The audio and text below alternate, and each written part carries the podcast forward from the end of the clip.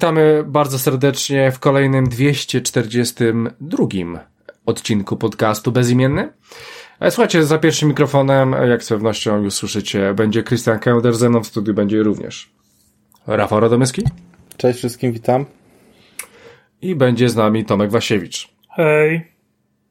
E, tak. Słuchajcie, Mikołaj standardowo e, akurat w tym terminie jest na wakacjach, więc myślę, że pomału już e, będzie z nich wracał. E, faktem jest, że nagrywamy sobie e, w trójkę i nagrywamy sobie e, w, w dokładnie 2 sierpnia tego roku, czyli 23 roku. Słuchajcie, w tym odcinku, w sumie ten odcinek będzie sponsorowany przez naszego nowego patrona, który wybrał dosyć ciekawą grę. I to jest dosyć nietypowa sprawa, bo to, Tomku, czy ty byś kupił tą grę, gdybyś nie dostał od patrona? Nie, nie kupiłbym. Nie kupiłbym. Więc wyobraźcie sobie, że Tomek nie znaczy, dość... Inaczej. No, Pewnie kupiłbym, nie teraz, ale nie teraz. Nie teraz. No, no, no, teraz wiem, jest wiem, wiem. Zbyt, zbyt gorący okres na. Tak, tak. na Baldur's to, Gate, to... te sprawy.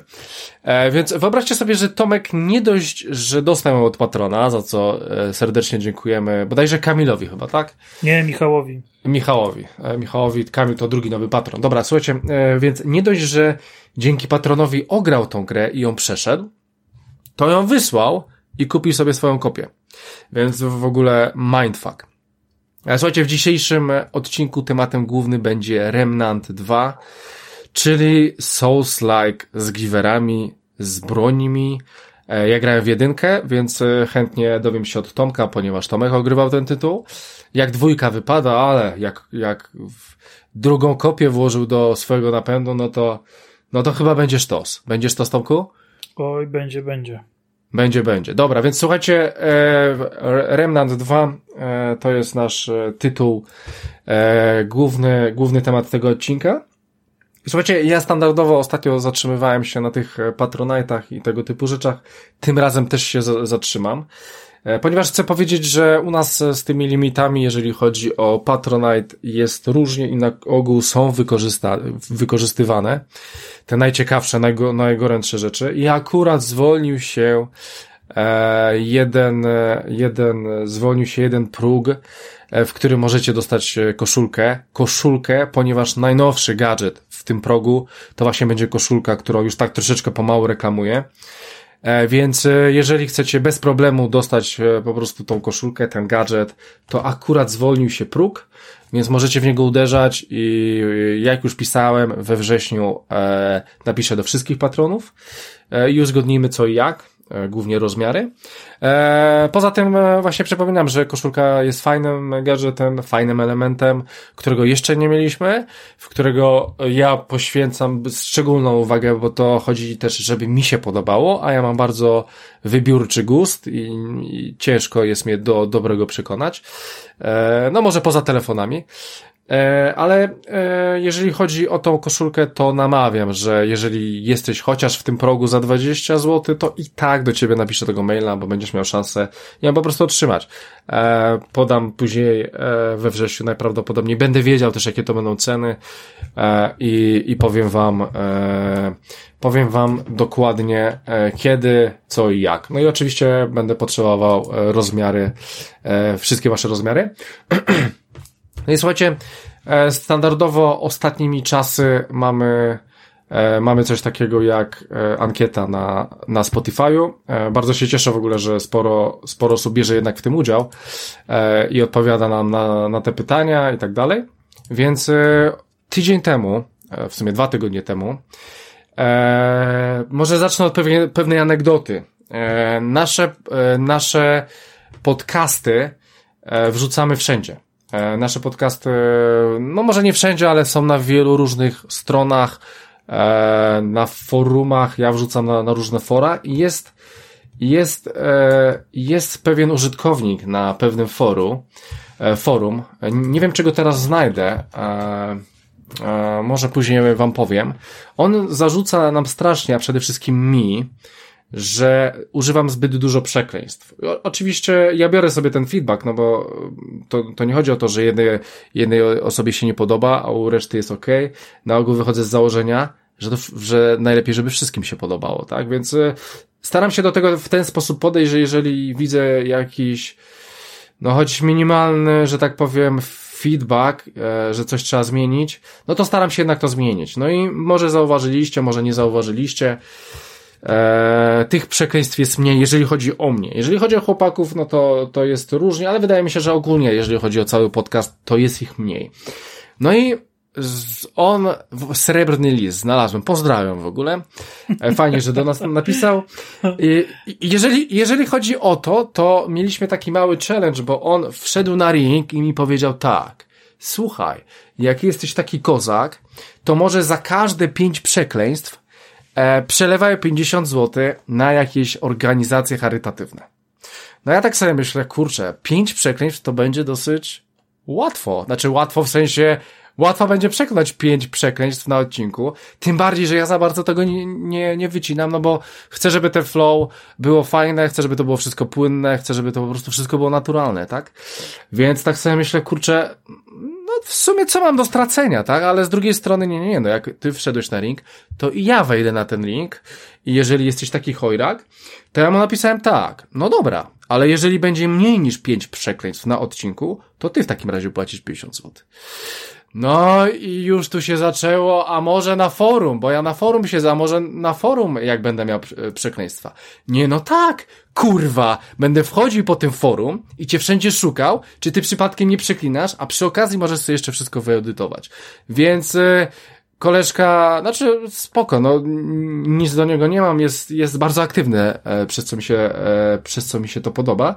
E, jednak, jednak po prostu, no, no nie, no poddał się i, i w sumie, i w sumie wyszedł z tego ringu. Oczywiście, że się na to nie zgodzę, no bo tak jak mówię, no wszystko możesz edytować, tak? I my nagrywamy, wszystko puszczamy. Ja takich rzeczy nie wycinam, bo czasami musiałbym wielką sentencję wysłać, żeby nie było jednego przekleństwa, bez sensu. Wszystko leci tu naturalnie, więc e, to, że ty sobie tam przeklinasz czy nie przeklinasz na forum, ja tego nie kontroluję, ale ty masz z tym problem, co oznacza, że ciebie to w jakiś sposób boli, spoko, masz do tego prawo, ale to oznacza, że ty nie przeklinasz. Więc jak ty chcesz mieć jakiekolwiek przekleństwa? Bo domyślam się, że raczej nie padają z twoich ust, a szczególnie jak coś piszesz, więc, więc, no nie, no, no, no szkoda, że ja podjęłem te rękawice, ale, ale ty niestety uciekłeś z tego ringu. No jest jak jest, ale, ale to spowodowało to, że chciałbym się dowiedzieć, jak to w końcu jest, tak? Czy, faktycznie z tymi przekleństwami jest u nas tak źle, czy faktycznie tak przeklinamy. W związku z tym zamieściłem ankietę, w ogóle ta ankieta ma najwięcej głosów ze wszystkich. Zamieściłem ankietę na, e, na Spotify'u i e, spytałem się was, drodzy słuchacze, co wy o tym myślicie. Więc spytałem się, jak wam się wydaje, czy skład bezimiennego podcastu za bardzo przeklina. E, no i były oczywiście dwie opcje i słuchajcie, 20% stwierdziło, że moglibyśmy przeklinać troszkę mniej. Natomiast 80% stwierdziło, że jest, że jest ok, że jest wszystko ok, że wasze przekleństwa są w porządku, że to nie są takie częste przekleństwa, więc ja robię, po takiej ankiecie stwierdzam, że po prostu użytkownik o pseudonimie, o niku, Srebrny Lis jest po prostu mocno wyczulony na przekleństwa. Rozumiem, szanuję. E, ja też bardzo często nie lubię, jak niektórzy przeklinają, szczególnie, że nie muszą, ale wydaje się, że jednak w naszym, na naszym podcaście wszystko jest w normie, wszystko jest takie w miarę okej okay. i, i w sumie i w sumie, i w sumie jest spoko. Więc e, chyba nie musimy aż tak za bardzo tego zmieniać. E, słuchaczom to odpowiada. E, wierz mi, że sporo ludzi zagłosowało. E, no i 80% stwierdza, że jest ok. Więc e, no to tyle, jeżeli chodzi o ten temat. Znaczy ja bym e, chciał tylko powiedzieć, że no, no, no. Ja, ja bym chciał, żebyśmy mniej przeklinali mimo wszystko. Jako, jako, jako zespół, że wydaje mi się, że emocje emocjami i gdzieś tam jak to przekleństwo wyleci, to no, no, no, no nagrywamy podcast do zdecydowanej większości dorosłych ludzi, więc jest to ok. Mhm.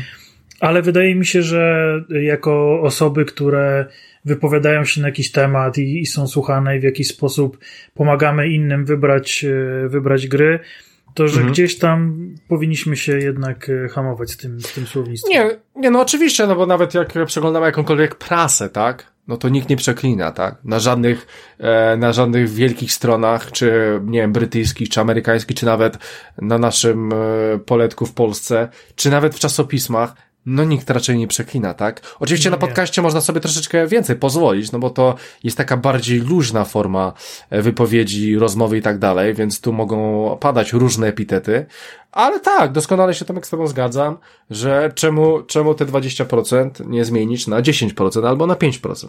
Oczywiście, że tak. E, tak, mam nadzieję, że Srebrny Lis nie, nie założył parę kont na Spotify'u, żeby po prostu tu kliknąć, albo nie, nie zmówił chłopaków. Mm, faktem jest, że e, tak jest. E, mm, oczywiście, aha, jeszcze na, na końcu powiem, że że e, oczywiście feedback był różny. E, sporo osób napisało, że Gabi, e, Gabi była bardzo spoko, bardzo fajnie. Myślę, że Gabi jeszcze do nas wróci, może nawet wcześniej niż myślicie. Myślę, że będzie się co jakiś czas pojawiała u nas na odcinku. E, fajne flow z nią mieliśmy.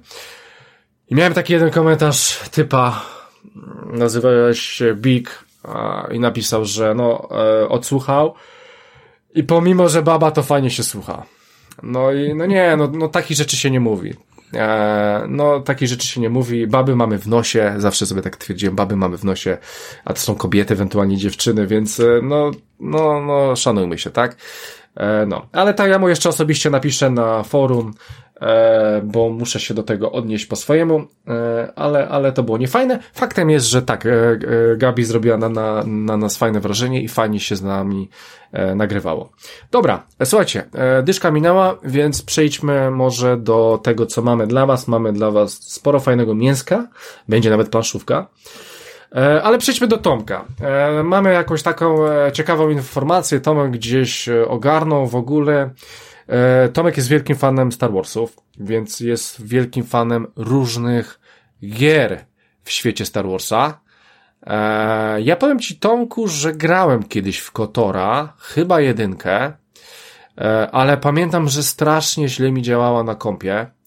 No i nie dało się za bardzo grać. Więc, no nie, więc nie. To właśnie ale... mogła być dwójka. Ale to zaraz. A może dwójka, a może dwójka, no to, to było dawno, tak? Już, już nie pamiętam. No, no powiem ci, że strasznie mi działała do tego stopnia, że no modernizacja kompa wtedy, tak? Ale no nie, nie, nie, więc no nie, chyba wtedy w tych czasach nie mogłem sobie pozwolić, więc olałem temat. Ale wiem, że Kotor to jest taka chyba jedna z lepszych gier w ogóle, jeżeli chodzi o, o całe uniwersum. Jest e, growe, jest e, e lepszą, e, jedną z lepszych gier w świecie Gwiezdnych Wojen. Więc mówisz, że jest jakaś drama z tym związana, więc słucham cię Tomku. Tak, y, więc jeszcze tytułem wstępu odniosę się do tego, co, co Christian właśnie powiedział. E, KOTOR, czyli Knights of the Old Republic, opowiada historię ze świata Star Wars, dziejącą się na kilkadziesiąt tysięcy lat przed wydarzeniami znanymi z, z filmów i obecnie seriali. E, I jest, był, był, było słychać jęk zawodu w całej galaktyce w momencie, kiedy Disney e, przejął prawa do marki, ponieważ e, te, to uniwersum właśnie tego, te, te, tych czasów rozrosło się niesamowicie w pozycjach książkowych. Powstały niesamowite książki, jedne z najlepszych, jakie w ogóle przeczytacie, jeżeli chodzi jeżeli chodzi o Star Wars, i one wszystkie teoretycznie przez Disneya zostały uznane za poza kanonem. I był to naprawdę potworny jęk zawodu. Do tego jest tam również jedna z najbardziej popularnych postaci, właśnie wywodzących się z gier, czyli Raven, Lord Seed, który e, został jakby skasowany, znaczy pamięć jego została skasowana e, przez Radę Jedi, więc w ogóle dobrzy niby Jedi robią takie rzeczy i przerobione właśnie na, e, na dobrego, e, żeby pokonać innego Lorda Sith. Więc, więc no, fantastyczna, fantastyczna produkcja, polecam, ponieważ te gry można dostać czy właśnie teraz na Switchu, o, o czym za chwilę będzie, czy E, też na urządzeniach z Androidem, z iOS-em. E, ja przyszedłem na, na tablecie i na telefonie, więc, więc jest to możliwe. I, I te gry po prostu sobie hulają, są, są, są fantastyczne. Jeżeli chodzi o to, co Krystian powiedział o odności komputera, to moja historia jest taka, że ja zmodernizowałem sobie komputer pod tę grę. Tyle tylko, że wybrałem kartę AMD, a nie NVIDIA. A twórcy gry że tak, współpracowali bardzo blisko z Nvidią przy, przy produkcji tego tytułu E, I na premierę, wyobraźcie sobie, odbieram grę za naprawdę grube pieniądze dla e, wtedy, wtedy e, Tomka, który nie zarabiał i oszczędzał na tę grę miesiącami, zbierając truskawki na polu i inne takie. I odbieracie sobie tę grę ze sklepu, wracacie do domu i okazuje się, że na waszym komputerze ta gra w ogóle się nie odpali, ponieważ coś było nie tak ze sterownikami do karty, do karty AMD i ta gra po prostu na AMD w ogóle się nie uruchamiała. E, mhm. Nie chcę skłamać, ale wydaje mi się, że trzy miesiące od premiery czekałem na update sterowników, żeby móc zagrać w tę produkcję, więc to w ogóle jakiś kosmos. E, do tego e, Kotor 2 był niesamowicie okrojony i zbagowany, ponieważ przy olbrzymiej jakby presji po fantastycznej jedynce wydawca stwierdził, że przyspieszy pracę deweloperów, a co za tym idzie, no jak już, jak już wiemy, jak to wygląda, no wszystko to nie poszło. Są, były powycinane e, całe questy, e, były postacie, które e, miały dialogi wyraźnie świadczące o tym, że są częścią questa, ale nic się nie działo. E, były bugi uniemożliwiające w ogóle kontynuowanie i skończenie produkcji, ponieważ jakaś postać znikała i się nie pojawiała i tak dalej. Więc było mnóstwo, mnóstwo naprawdę syfu, jeżeli chodzi o tę grę e, w tamtym czasie. I e, na bazie oczywiście takich e, różnych e, akcji społecznych, już wtedy właśnie zebrała się grupa, która postanowiła, że przywróci cały ten wycięty content i naprawi tę grę. Wszystko to jest pod nazwą Restored Content Mod, które jest dostępne nawet na Steamie w Steamworksie, więc jeżeli macie grę na Steamie, dosłownie trzy kliknięcia i macie cały właśnie ten, ten, ten, e, ten, tą zawartość dodatkową odblokowaną. Ja natomiast e, właśnie przez to, że miałem takie dobre wspomnienie, jeżeli chodzi o ogrywanie jedynki przynajmniej na, na telefonie i na tablecie, e, chciałem sobie tą dwójeczkę pograć właśnie na Switchu. Tym bardziej, że studio Aspyr, które zajmuje się właśnie takimi konwersjami starych gier na Switcha, obiecało, że jeżeli kupicie Kotora 2 w preorderze, to on dostaniecie e, właśnie całe to DLC z tymi wszystkimi brakującymi rzeczami na Switchu. Więc e, ja oraz naprawdę spore grono e, fanów poleciało i kupiło tę grę. Fakt, no było to, wydaje mi się, że 20 euro, czyli w przeliczeniu 80 czy 90 zł w złotówkach. Więc nie była to jakaś zawrotna suma, no niemniej jednak no pieniądze zostały wydane. I najpierw na premierę e, e, w zeszłym roku, bo premiera miała być wakacje w zeszłym roku, najpierw na premierę e, zostało powiedziane, słuchajcie, nie daliśmy rady z tym, z tym dodatkowymi rzeczami, na razie macie grę, mod dodamy, czy tam DLC dodamy w, do końca trzeciego kwartału tego roku. Mhm ale daje, y, mówimy wam, że jak już je wydamy, to savey nie będą działały, więc będziecie musieli zaczynać od początku. No więc ja oraz wielu innych graczy nie zaczynało w ogóle tej rozgrywki, tylko czekało na to DLC. No ale słuchajcie, wrzesień minął, a studio milczy. E, kwartał minął, co, co średnio coraz w miesiącu jakiś, jakiś e, magazyn e, próbował się, czy tam portal próbował się dostać do tego Aspera z pytaniem. E, byli zalewani tymi pytaniami na wszystkich kanałach i społecznościowych. Wszystkie odpowiedzi były zlewane. I z miesiąc temu e, właśnie e, otrzymałem, nie otrzymałem wiadomość, tylko wyczytałem, że bo ja to, to, też co miesiąc jakby skanowałem internet, czy coś się zmieniło. Wyczytałem, że no Asper przyznaje, że jednak w ogóle tego nie wyda, e, bez podawania przyczyny, po prostu tego nie wyda już i że wszyscy, którzy kupili, e, mają się zgłosić na support i e, dostaną kod na wybraną grę z e, portfolio Asper już wydane gier na, na Switchu e, za darmo w ramach jakby, mhm. E, jakby przeprosin, czy, czy, czy czegoś, czy, czy zadośćuczynienia. E, ale no jakby ten, e, ten mod nie trafi e, na Switch ostatecznie. W związku z tym, jako że miałem chwilę przerwy między premierami, tak jak Wam właśnie wspomniałem, odpaliłem swoją kopię na Steamie, dwoma kliknięciami zainstalowałem sobie cały ten, cały ten zestaw dodatków i, i, i nowych rzeczy i przeszedłem Kotora 2 na, na, na laptopie i jest to bardzo dobra gra. Mówiąc szczerze, jestem zaskoczony, jak mało z niej pamiętałem. I nawet teraz ona się broni, jeżeli chodzi o e, fabułę, o rozwiązania e, fabularne, których e, na próżno szukać w nowych tytułach. Jest to naprawdę zaskakująco dużo e, rzeczy, e, które spowodują u Was, wow, to tak można, E, niesamowite podejście do kompanów. E, fakt, że można niektórych e, uczynić Jedi i waszymi padałanami. Ten właśnie te wszystkie dodatkowe rzeczy, które, które, których zabrakło w oryginale.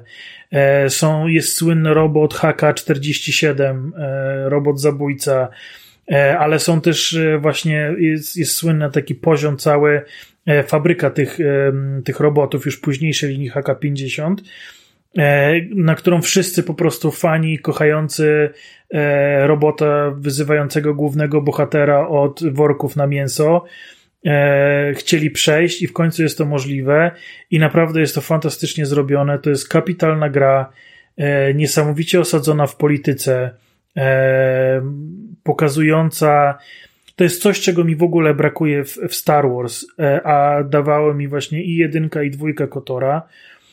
To jest e, pokazanie, że Jedi wcale nie są dobrzy, a Sithowie wcale nie są źli i że jest jeszcze trzecia droga. I jest to, jest to termin, wydaje mi się, nawet jak to, jak to jeszcze googlowałem, żeby się upewnić, ale wydaje mi się, że to w ogóle termin, który się pojawił po raz pierwszy w Kotorze i jest to tak zwany szary Jedi.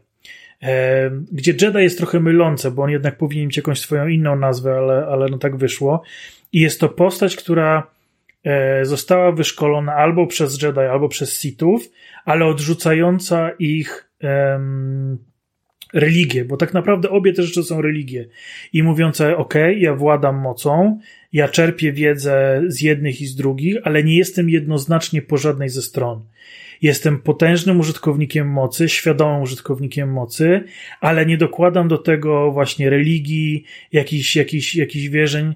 Te gry niesamowicie pokazują e, właśnie, jak życie jest szare, że nie jest tylko jasna, ciemna strona mocy, e, że tam jest mnóstwo przestrzeni pomiędzy, i że dobrzy potrafią być źli, a źli potrafią być dobrzy. Więc y, polecam, polecam serdecznie, zwłaszcza, że no, te gry można teraz dostać za grosze na PC-cie. Można je ograć właśnie na tabletach, na telefonach, można je ograć na Switchu, więc y, tych miejsc, gdzie możecie zagrać jest, jest naprawdę, naprawdę mnóstwo.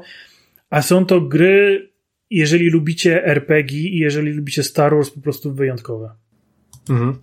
E, właśnie tak sobie pomyślałem, że to był błąd, że po, e, poprosiłem cię, żebyś powiedział o tym Kotorze, bo tak nie, nie, nie pomyślałem, że będziesz tyle o tym mówił. Ale to jest, to są jednak Gwiezdne Wojny.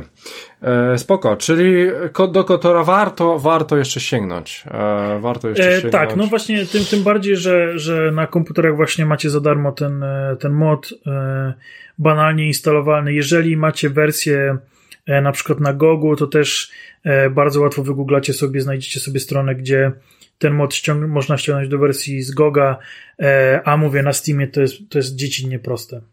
Mhm. E, dobra, więc e, miejcie to pod uwagę. Oczywiście to, to nie jest tytuł dla mnie. E, nie, nie w, w czasach, w którym mam tyle lat, ile mam, ale myślę, że są osoby, które się zainteresują. Dla mnie w ogóle zawsze to właśnie taki Mass Effect to był taką luźną kontynuacją po prostu Kotora. E, oczywiście w innych światach, ale jakoś tak no tak zawsze mi się wydawało, nie? E, dobra, e, idźmy dalej. Ja w ogóle chcę wam tylko powiedzieć ciekawostkę. Do poprzedniego odcinka 241 e, Prawdopodobnie do tego też. Jeżeli wejdziecie sobie na YouTube, na YouTube, tube, tube, E, to pod odcinkiem właśnie do tego i 241 odcinka wrzuciłem sobie tak wygenerowaną wygenerowano przez program, e, że tak powiem, listę, znaczy czasówkę, co w jakim czasie się dzieje. Oczywiście ja tego nie, nie poprawiałem, bo nie mam na to czasu. Po prostu kopiuj wklej. E, I dajcie znać, czy coś wam takiego odpowiada. E, to ta, taka ciekawostka po prostu, e, żeby szybciej się poruszać e, po rzeczach, które was interesują. Oczywiście bez spellingu. Więc e, zobaczcie sobie. E, dobra, e, słuchajcie, przejdźmy teraz do mnie. E, ponieważ dostałem kod na grę Layers of Fear, najnowszy Layers of Fear, który wchodzi w, na Unrealu, Unreal Engine 5. Więc Ale to mamy jest naj... nowa gra, czy remaster tej poprzedniej? No właśnie, zaraz wam powiem. Zaraz wam powiem, ponieważ ją grałem. E, więc tak. Więc ja odpalam to. Powiem wam szczerze, że ja to odpalam. No i czytałem, że to będzie Layers of Fear. A Layers of Fear przeszedłem na VR-ze recenzja gdzieś tam jest we wcześniejszych odcinkach. I bardzo mi się podobała w ogóle ta gra na tym i ja stwierdziłem, że to jest najlepsza, e, nie, to jest idealna gra na VR-a. Idealna, ze względu na swoje sterowanie. Ty, ty, ty byłeś, ty istniałeś, czy jeszcze nie, Tomek? W sensie na odcinku nie. No, czyli jeszcze ciebie nie było na świecie. Nie, nie, nie było mnie na świecie. Nie. No właśnie, no to, to, to dla mnie to jest idealna gra na VR-a. Dobra, e, więc dostałem tą nową grę. No i tak słyszałem, że no to ma być jakieś tam odświeżenie, nie? No dobra, no to odpalam ją i tak patrzę, jakaś kobieta w latarni, w ogóle jakaś pisarka, coś tam, ej, ej, ale przecież tego, tego nie było przecież w oryginale. Znaczy nie, w tym VR-owym, co grałem. Nie grałem w oryginalnego Layers of Fear, grałem w Layers of Fear, Fear, Fear, Fear VR, tak? Więc tak sobie pomyślałem, kurde, a może, a może ta wersja VR-owa była jakaś okrojona albo coś, nie? Może to nie było pełne, nie? Dobra, no zacząłem w to grać, zacząłem w to grać. Ta, ten prolog, że tak powiem, z tą, z tą kobietą, pisarką w sumie, no trwał raptem 50 minut.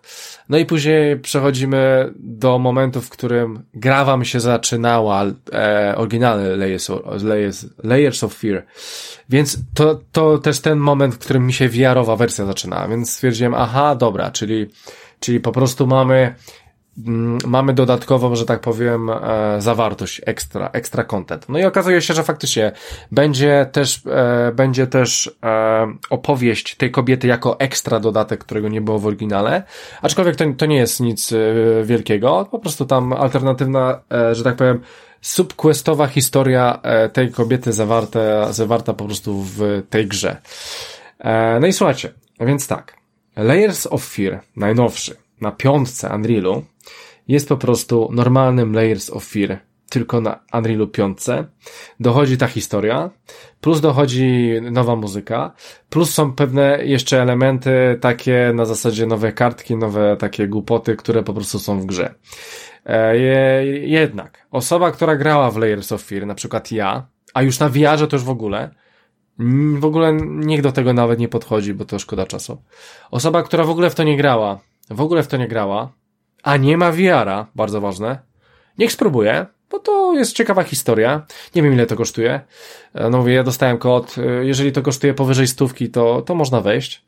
Natomiast jeżeli ktoś miał VR-a, to niech tego nie odpala, tylko zagra sobie w to na VR-ze.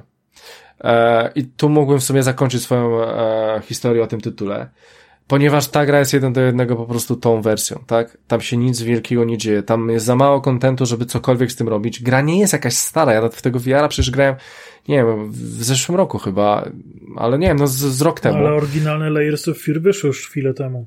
No być, być może, być może masz rację. Znaczy, no na pewno masz rację. Szczególnie, że dwójka powstała, tak? E, faktem jest, że... E, 2016. No, no, to, no to parę lat temu, no 7, dobra. A e... VR w 19. No to mówię, że to kurde, to dawno w to grałem. 4 lata. No dobra.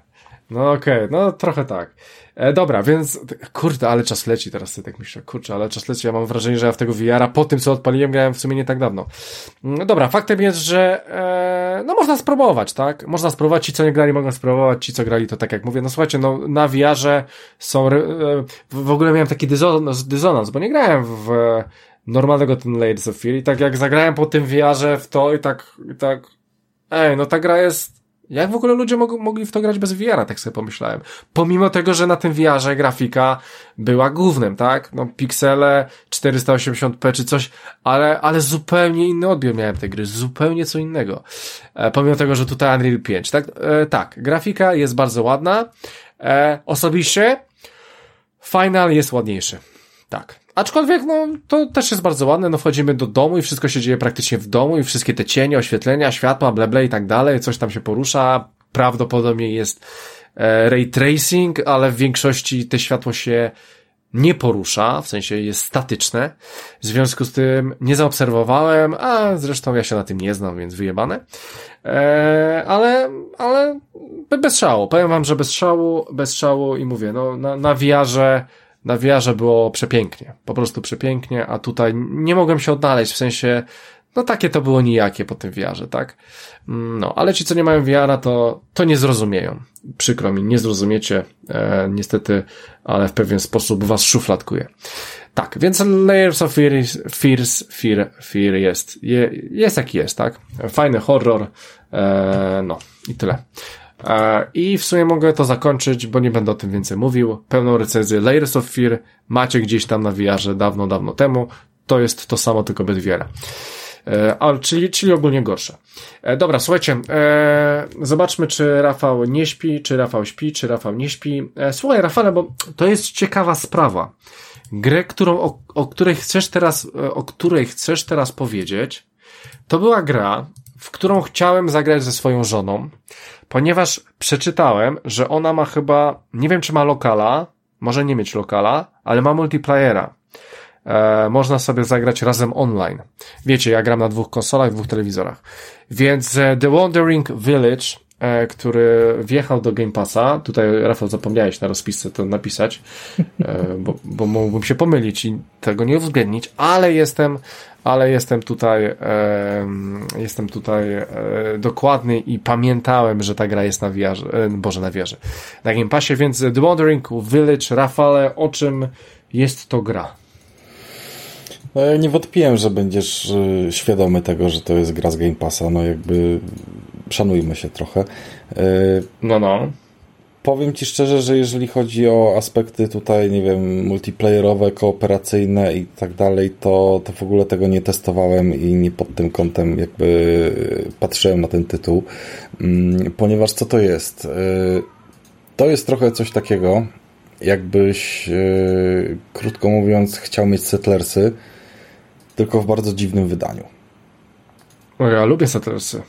No, wiele osób lubi Settlersy i jest ogólnie też jakaś aferka y, z tym związana, bo, bo, bo Settlersy, które mają jakieś wyjść jako kontynuacja, czy, czy nawet wyszły z Ubi, to jest jakiś totalny pogrom i, i, nikogo to nie interesuje, jakby nie mają, wiesz, są, są jakąś tam biedną kopią y, RTS-a, którym to było wcześniej, czy może nawet za bardzo skręcają w kierunku RTS-a, dlatego że Settlersy przede wszystkim zawsze się kojarzyły z osadnictwem i z tym, żeby po prostu zrobić coś fajnego, coś ciekawego, budując sobie swoją wioskę i tak dalej. I to było moje pierwsze skojarzenie, jak, jak zacząłem grać w ten tytuł. Tutaj nie wiem, ile jeszcze się w nim może zmienić, ile zostać dopracowane, więc mm, za specjalnie nad, nad takimi tematami, jak nie wiem, poziom trudności i, i tego typu rzeczy. Yy, podejrzewam, że jeszcze będą spore prace gdzieś tam wprowadzone, tak? No bo to jest game preview raptem wrzucony. Yy, natomiast The Wandering Village to jest yy, jakby na samym początku dostajesz już takiego strzała mm, nie tyle graficznego, co artystycznego, który powoduje, że wow, ok, chcę to zobaczyć, dlatego że yy, patrzysz sobie, jest kawałek trawki, kilku osadników i tam zaczynasz wiesz, w dosyć klasyczny sposób nimi budować domki i, i, i, robić takie standardowe rzeczy, że no muszą jeść, no to niech jeden idzie zbierać jagody, a, a temu zrobimy miejsce, żeby ścinał drzewa, a, a tutaj zróbmy jakiś yy, fragment pola i coś zasiejmy i tak dalej, i tak dalej. Yy, przy czym to wszystko dzieje się na plecach takiego wielkiego, tytanicznego mm, stworzenia, które no, dosłownie wygląda jakby wyszło z Godowora i jakby klasycznych odsłon, które gdzieś tam są w ten sposób wyciągane. Te stworzenia nazywają się Onbu, no bo to jakbyś tam jest, jest yy, jakiś scenariusz, jakaś historyjka, więc ten Onbu mm, wygląda może nie jak żółw, ale, ale powiedzmy takie yy, ogromne stworzenie na czterech łapach, które sobie cały czas idzie przed siebie, a na swoim grzbiecie, na swoim plecach ma właśnie ten fragment nie wiem, skały, ziemi, na której by po prostu jak trochę takie pasożyty na nim yy, takie dobre pasożyty, nie? No bo coś tam mu jednak staracie się pomagać. Yy, sobie żyjecie i zaczynacie tworzyć yy, wioskę. W związku z tym cały czas ta wioska się przemieszcza i zamiast na przykład zmiennych pór roku, które można by zastosować yy, w, klasycznej rozgrywce, w klasycznym miejscu, tudzież jakichś innych mapach. Tutaj mamy sytuację, że ten onbu cały czas idąc przemierza różne tereny i mamy takie biomy, piękne biomy, które po prostu widzimy na mapie. Jest taka fajna mapka mm, całego świata, jak możemy sobie yy, powiedzmy, że są trzy widoki, tak? Jesteśmy na tym widoku roboczym, gdzie sobie yy, zarządzamy całą wioską. Możemy sobie yy, kamerę oddalić na maksa do tyłu, wtedy widzimy całego onbu, który maszeruje dzielnie i może na przykład się, nie wiem, zatrzymać i coś zjeść albo, albo jakieś inne rzeczy robić, albo pójść spać. E, co oczywiście nie wpływa na naszą e, na nasze obsługiwanie wioski w tym czasie i przemierza różne biomy, czyli na przykład przechodzi z lasu na pustynię albo na biom wodny i idzie taki zanurzony w jakimś oceanie czy, czy wielkim jeziorze yy, po szyję i cały czas podróżuje, a my jesteśmy stosunkowo bezpieczni na jego plecach i staramy się no, przetrwać, tak? No bo potrzebujemy energii, potrzebujemy jedzenia, więc nasi osadnicy niedożywieni mogą oczywiście umierać i dopóki mamy ich wszystkich, to jeszcze gra trwa, ale jak wszyscy padną, albo coś się stanie onbu takiego, że też jakby no, wiadomo, że jako pasożyci to z nim tak naprawdę też zginiemy. Mm, no i ten miks powoduje opcję wielu, wielu ciekawych jakby rozwiązań i scenariuszy które, e, które można by tutaj przyrównać do, do jakichś questów, które się pojawiają. No na przykład, jeżeli jesteśmy cały czas w ruchu i on podróżuje, no to mamy jakichś zwiadowców, możemy sobie yy, po odblokowaniu tych funkcji wypuszczać zwiadowców w różne miejsca dookoła tegoż maszerującego onbu i oni na przykład mogą nam przeprowadzić innych rozbitków albo znaleźć jakieś punkty wiedzy, które wykorzystamy do rozwoju technologii i tak dalej, i tak dalej. Eee, fajne jest to, że gra buduje cały czas więź z tym naszym żywicielem, E, on był dlatego, że cały czas się pojawiają komunikaty, że on był poszedł spać, że on był właśnie je, że on był zrobił kupę i wcale tutaj nie przesadzam. Mm, realny komunikat z gry i i wszystko się gdzieś tam opiera o jakąś fabułę związaną z trującymi roślinami, przed którymi oni po prostu starają się gdzieś przenieść i różnego rodzaju właśnie trucizny, które się potrafią zarażać, to na przykład e, uratowani z, nie wiem, z czterech czy pięciu uratowanych e, jakichś nomadów czy osadników mamy trzech czy czterech chorych, musimy ich uleczyć. Na to wszystko są potrzebne mhm. odpowiednie środki, więc nam się odpala crafting, bo musimy mieć jedną rzecz zrobioną, żeby zrobić drugą, czyli takie typowe zarządzanie zasobami plus crafting, który potrafi dosyć mocno wciągnąć.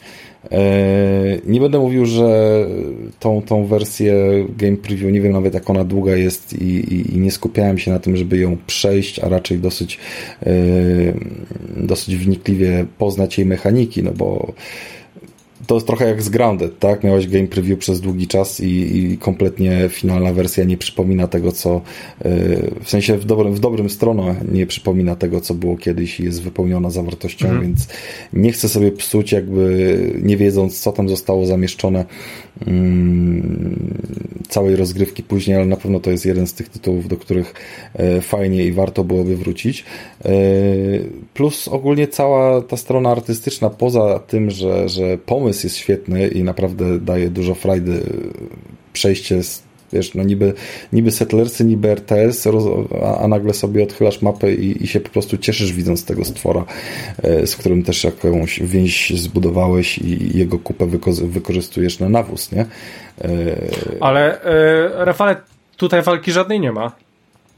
Typowej walki nie było. Nie doszedłem, nie spotkałem się, nie no wiem, być może nie... W Settlersach nie... jest walka też, nie? Tak, w Settlersach jest walka. Ja, ja tego wątku Settlersów nie, nie dociągnąłem do końca, bo, bo chciałem go zamknąć tym, że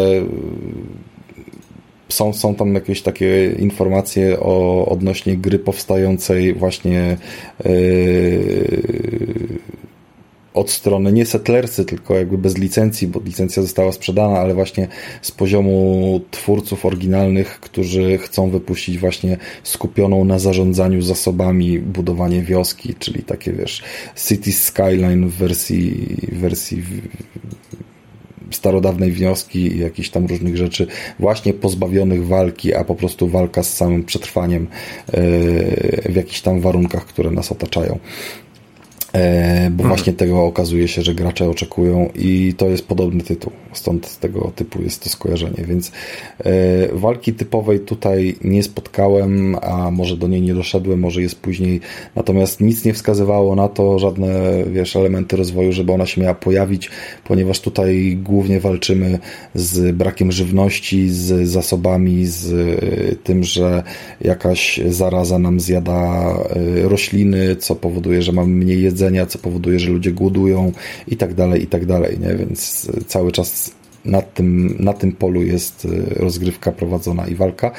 I jest sporo mechanik y, na tyle powiedzmy, że głęboko tam wprowadzonych i powiązanych ze sobą, że pierwsze rozpoczęcie rozgrywki kilkugodzinne na zasadzie dobra, startujemy i jebać samouczek nie sprawdziło się i, i, i o wiele o wiele sprawniej poszło jednak przechodząc ten samouczek, nie? Więc mhm. y, warte, warte zapamiętania, żeby jednak poznać te wszystkie scenariusze, bo no mówmy się, no niby, niby w takich grach y, wszystko jest podobne, ale jeżeli jeden element jest wywracany do góry nogami i właśnie się pojawiają takie rzeczy, że y, nasza mapa jest cały czas w ruchu, albo że to może mieć wpływ na to, na tamto, że pewne środki pozyskujemy tylko w danym momencie okazyjnie, bo wtedy jest na to moment, y, jak chociażby słynna, y, słynny nawóz skupy, to to, to, to po prostu jest tutaj takich mechanik trochę, które trzeba gdzieś tam poznać i się nauczyć, więc mm, dużo bardziej bym się nie chciał rozgadywać. Jeszcze trochę o stylu graficznym e, chciałbym powiedzieć, bo e, jest on bardzo taki mm, mm animowany, Stardew delikatny. Valley? Natomiast fajnie wyglądają postacie, bo one wyglądają jak takie właśnie sprite 2D wklejone z Pentimenta e, na mapę, która jest w rzucie izometrycznym, e, nieobracanym 3D puszczona, żeby widzieć cały czas tego naszego onbu. W sumie nie wiem, czy tam się mapę obraca, chyba nie, ale czy jakoś tam można delikatnie zmieniać y, pole widzenia, ale ogólnie chodzi o to, że y, jest, jest ten artyzm, tak jakby trochę ktoś tam, wiesz, coś, coś rysował. Y, tak jak w tych grach Pentiment i te, które na fali jego popularności też tam powstały, bo o innych też rozmawialiśmy. I trochę to tak wygląda. Mhm. W sensie nie ryciny, ale taka ręczna kreska 2D i w ten sposób sobie chodzą ludziki, nie? Więc y, łatwo tak, to rozpoznać, łatwo zapamiętać i, i, myślę, że łatwo też będzie wrócić do tego tytułu, jak już się pojawi w pełnej wersji.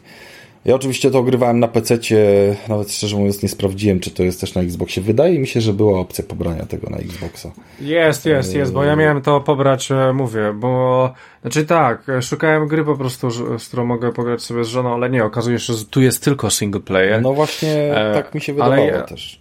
Jest, jest, jest. Single player jednak nie ma multi, ale, ale ja na pewno sobie to sprawdzę właśnie. A na Xboxie jest, jest, spokojnie. Natomiast no jak to wiesz, jak to typowy RTS, nie wiem, nie wiem na ile fajnie by to się grało z kontrolerem, a nie bez myszki, chyba że oczywiście obsługa myszki z poziomu konsoli też jest zawsze jakimś scenariuszem, bo, bo przynajmniej Xbox wydaje mi się, że wspiera to szerzej, yy, bo to wszystko przecież i tak na Windowsie gdzieś tam jest opierane. No, ale mhm. warte na pewno zapamiętania, w sensie yy, dużo indyków powstaje, ja to traktuję jak takiego dużego indyka. Dobra, I... a poczekaj, bo jeszcze mam do ciebie, bo tak sobie pograłeś, spoko, a tam jest jakiś cel? Jest cel taki cel na, nadrzędny, że możesz przejść? Masz misję? Masz kampanię? Słuchaj, no kampanią Czy jest to to, jest tak- że uciekamy z domu, bo roz... jakaś jest tam plaga trujących roślin, które nie mogą powstrzymać, więc muszą uciekać. Tak? Czyli jakaś No okej, zaraza. no dobra, ale I celem jest ucieczka. Natomiast jaki jest endgame, jaki jest finał, czy dochodzą do jakiegoś domu, nie wiem, jakby nie chciałem tego poznawać i no dobra, czyli okej, ale nie, bardziej mi chodzi o to, czy wiesz, masz wybór misji, na przykład, dobra, pierwsza misja, druga, trzecia, e, coś takiego, czy po prostu masz, to Nie. tak jak wiesz, odpalasz nie, cywilizację na przykład, to nie tak? leciało tutaj cały czas ciągiem, po prostu wiesz, odpalasz rozgrywkę i się idzie, natomiast no, po Mhm. drodze się mogą różne rzeczy, wiesz, dziać. Wydarzyć. I, i, No, no, no. Tam się jeszcze dużo może zmienić, tak? No bo my widzimy teoretycznie fragment wycinku świata. Patrząc na całą mapę, to jest tak, jakbyś y, miał pole widzenia na zasadzie y, sferycznego, takiego wiesz, y, z widoku tam, nie wiem, kilometra dookoła i widzisz tego onbu, który idzie sobie y, przez jakiś świat, widzisz tą okolicę, nie wiem, kilkunastu kilometrów y, na mapie i są jakieś tam roznogi, wiesz, i, i coś w tym stylu, y, gdzie on może skręcić i czy mu, nie wiemy w sumie, czy pójdzie w lewo, czy w prawo, czy, czy w jakiś sposób może będziemy wpływali na te decyzje w pewnym momencie. Y, Natomiast nie wiemy, co będzie dalej, nie wiemy, gdzie jest koniec tej ścieżki, nie wiemy nawet, czy nie chodzimy w kółko. Nie widzimy całej mapy, widzimy tylko tak jakby ten fragment 360 stopni dookoła, który powiedzmy możemy zobaczyć z jego pleców, nie? Więc ja jestem w stanie sobie wyobrazić dużo scenariuszy typu, wiesz, yy, endgame, że docierają do wspaniałego miejsca, gdzie on był razem z innymi, on był, wiesz, zapada w, wspaniałą drzemkę, a ludzie sobie dalej żyją na jego plecach albo coś podobnego. I, i pewnie coś takiego jest i, i pewnie będzie zrobione tak, że da satysfakcję. I pewnie można różne scenariusze wprowadzić właśnie z różnymi biomami i różnymi rodzajami utrudnień, bo jakby no możliwości jest jest mnóstwo, nie? Jakby w gruncie rzeczy to jest podróż i to jest jakaś tam gra podróży, więc yy... ale nie, nie rozpatrywałbym tej gry takiej jak, jak yy... nie wiem, Frostpunk, że od początku, od A do Z mieliśmy, wiesz, jakąś tam historię, która yy, była prowadzona i Mhm, no był tak było. konkretny scenariusz. A, e, aha. Czyli w tej grze nie można przegrać, tak jakby, Rafale. Nie, no można przegrać, bo Nie, no jeżeli można, zginą ci wszyscy mówię. osadnicy, no to Aha, dobra, okej, dobra, nie okej, ma. nie zarejestrowałem tego. on bo dobra, też okej. może zginąć, E, bo też musi się odżywiać. Znaczy nie, też. a e, okej, no dobra, dobra. Nie, nie, to i, ta, to i tak e, jest u mnie zainstalowane, ja sobie to odpalę. E, Bo jest, gra jest po prostu przepiękna. Dobra, e, To jest tyle, przepiękna jeżeli chodzi... i to jest naprawdę, i naprawdę jest grywalna, naprawdę wciąga, A- ten a poziom wiesz, że- jest y, wymagający. Ja się tylko zastanawiam, czy No. tak fajna pozycja, w sensie ciekawie się zapowiadająca, czy ona zasługuje na to, żeby ją faktycznie odpalać teraz. W sensie uważam, że No, że czekać. należy ją Tylko, że wiesz- odpalać, żeby robić zamęt wokół niej. Na zasadzie, wiesz, Ale- klikania się i tak dalej. No tak, Ale tak, tak. uważam, że powinno się to na tej zasadzie po prostu sprawdzić, ok, widzę parę godzin i zostawić, żeby po prostu, wiesz, potem wrócić, kupić, nabić tą pełną wersję i, i, i wiesz, i coś zobaczyć, bo na pewnym etapie, jeżeli będzie, wiesz, dużo opcji do dodania gry, te game preview są trochę zdradliwe, tak, bo mnie na przykład brak fabuły i takiego, wiesz, yy, większej ilości lepszych rozwiązań gamingowych mnie na przykład odtrącił od y, Grounded, które próbowałem kiedyś, wiesz, wejść i, i Ale od Stardew Valley nie. A to jest ale ciekawe. Stardew Valley ma piękną fabułę. Człowieku, w ogóle nawet odkrywanie jej no jest dobra. wspaniałe. Ja już zdążyłem Ale odkrywanie właśnie w survivalach jest wspaniałe.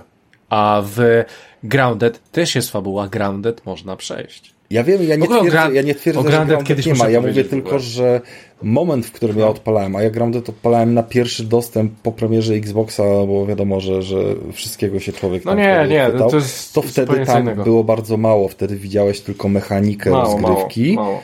I, i mogłeś sobie pobiegać, zobaczyć jak to działa i w sumie, no dobra, no nic ciekawego i tak nie wiesz co masz robić i aha, może tu, może tam. No nie, nie, nie czułem tego, nie? I nigdy nie wróciłem, pomimo, że zachęcałeś i pomimo, że mógłbym, więc yy, nie chciałbym, żeby to samo spotkało tą grę, bo, bo ona ma coś w sobie takiego, wiesz, magicznego, co, yy, co uważam, że warto byłoby docenić. No jak zresztą każdą, wiesz, próbę podjęcia yy, nowego tematu, a nie odklepania starego kotleta. No, no. Ja myślę, że kiedyś przyjdzie taki czas i będzie ta recenzja tego Grounded, ale, ale, ale to jeszcze nie teraz. E, dobra, słuchajcie, The Wandering Village, e, grę można sobie przetestować na, e, na Xboxie, na PC-tach. Jeszcze co ciekawa sprawa, bo z tym Game Preview, Rafał, to też tak nie do końca, bo Grounded dwa lata, nie? Czekaliśmy dwa lata, więc na ten tytuł może też trzeba będzie długo, długo, długo poczekać. E, no i nie wiadomo e, ile, tak na dobrą sprawę. Chyba nawet Wiesz ten na szczęście wymyślono jest- internet i jestem w stanie ci powiedzieć. Nie, E, nie ma pewnie infa żadnego. Kiedy wychodzi? Nie ma, co ty. Wyjdzie jak zrobią, Rafał. Powiem tak, tak- w ogóle co jest ciekawe, to Early Access, jak teraz szybko googluję, jest już od roku, od 2022, czyli to już jest od roku w Early Accessie, jakaś alfa czy coś na Steamie było i dopiero teraz to wrzucili do Game Passa. E, Na Steamie ocena jest 9 na 10, więc y, no widać, że to się podoba jakby nie, nie, nie tylko mi. Mm, Natomiast kwestia premiery takiej oficjalnej. Ciekawe, czy coś będzie? No i w No sumie, dobra. w sumie No mnie, nie mniej, mniejsza o to. E, Mniejsza o to. Ej, ale to e, poczekaj, poczekaj, poczekaj. Bo ja czegoś nie Nigdzie nie rozumiem. idę, Rafał. Ja czegoś Czego nie nie rozumiem, bo rozumiem? jeżeli oni To może ci przetłumaczyć. Piszą, jeżeli oni piszą o tej grze normalnie, że data wydania 14 września y, zeszłego roku, to dlaczego Nie, to jest ale Game Preview? early accessy, nie, nie, early accessy też tak y, ten, e, da, da, masz datę. Ja właśnie też e, wrzuciłem do rozpiski Ready or Not i Dune i obie mają datę wydania w Early Accessie. Tak samo jak wejdziesz na Baldur's Gate'a, to będziesz miał datę wydania Early Accessu, a nie e, datę wydania pełnej wersji. No, z jakiegoś powodu e, jest to tak podawane. No okej. Dobra. E, Na oficjalną dobra, Rafał, stronę nie wszedłem i daty żadnej nie widzę, więc No nie, no to bo to, Rafał, no będzie gotowa, kiedy będzie gotowa, tak? no. Tak ja się tak zastanawiam, bo Rafał, najpierw Stardew, teraz, teraz to. Chcesz zostać naszym ekspertem od farmy? Ja zawsze... A wiesz, że e, nie wiem, Rafał, czy wiesz, ale zaraz wychodzi nowe Harvest Moon. Nie wiem, czy nowo tego, odświeżone. Tego, tego nie wiem. To wychodzi i na Switcha, na nowe konsole, na PC-ta chyba nie, przykro mi. E, ale, wy, ale, nie, ale nie wiem, na PC-ta nie wiem, ale wychodzi nowe Harvest Moon. Nie wiem, czy nowe, czy odświeżone, ale, ale widziałem taką grafikę 3D w nim, więc mm, no. To, to później ci prześlę, to sobie kupisz. No, nie, Spoko, dobra. farma Dobra, nieważne. E, Farma zawsze ok. Dobra, słuchajcie, przechodzimy dalej. E, przechodzimy dalej. E, Rafał, jesteś gotowy, czy... e, Boże, Tomek, jesteś gotowy, czy nie? Zawsze. To dobrze, to w takim razie będzie o Dune. E, słuchaj, e, e, powiem ci tak. Ostatnio odpaliłem sobie cywilizację, szóstkę, bo jest na Game Passie, jest po polsku, jest fajnie, coś tam ekstra fajnie. A, a, a ostatnio w ogóle grałem też w planszówkę cywilizację. E, może też kiedyś o niej powiem, ale ho, ho, Boże. E, chyba już nigdy w nią nie zagram. Faktem jest, że odpaliłem tą grę na tej konsoli. No i ma tak wysoki próg wejścia dla mnie teraz, chociaż kiedyś grałem w cywilizację, ale w, kiedyś e, było też mniej gier i tak dalej, cywilizacja była czymś nowym, szczególnie dwójka, pamiętam, o Boże, przepiękna, że jak teraz miałem wejść przez tą całą ścianę tego wszystkiego w szóstce, to stwierdziłem, nie, nie, nie, to już niestety nie jest gra dla mnie.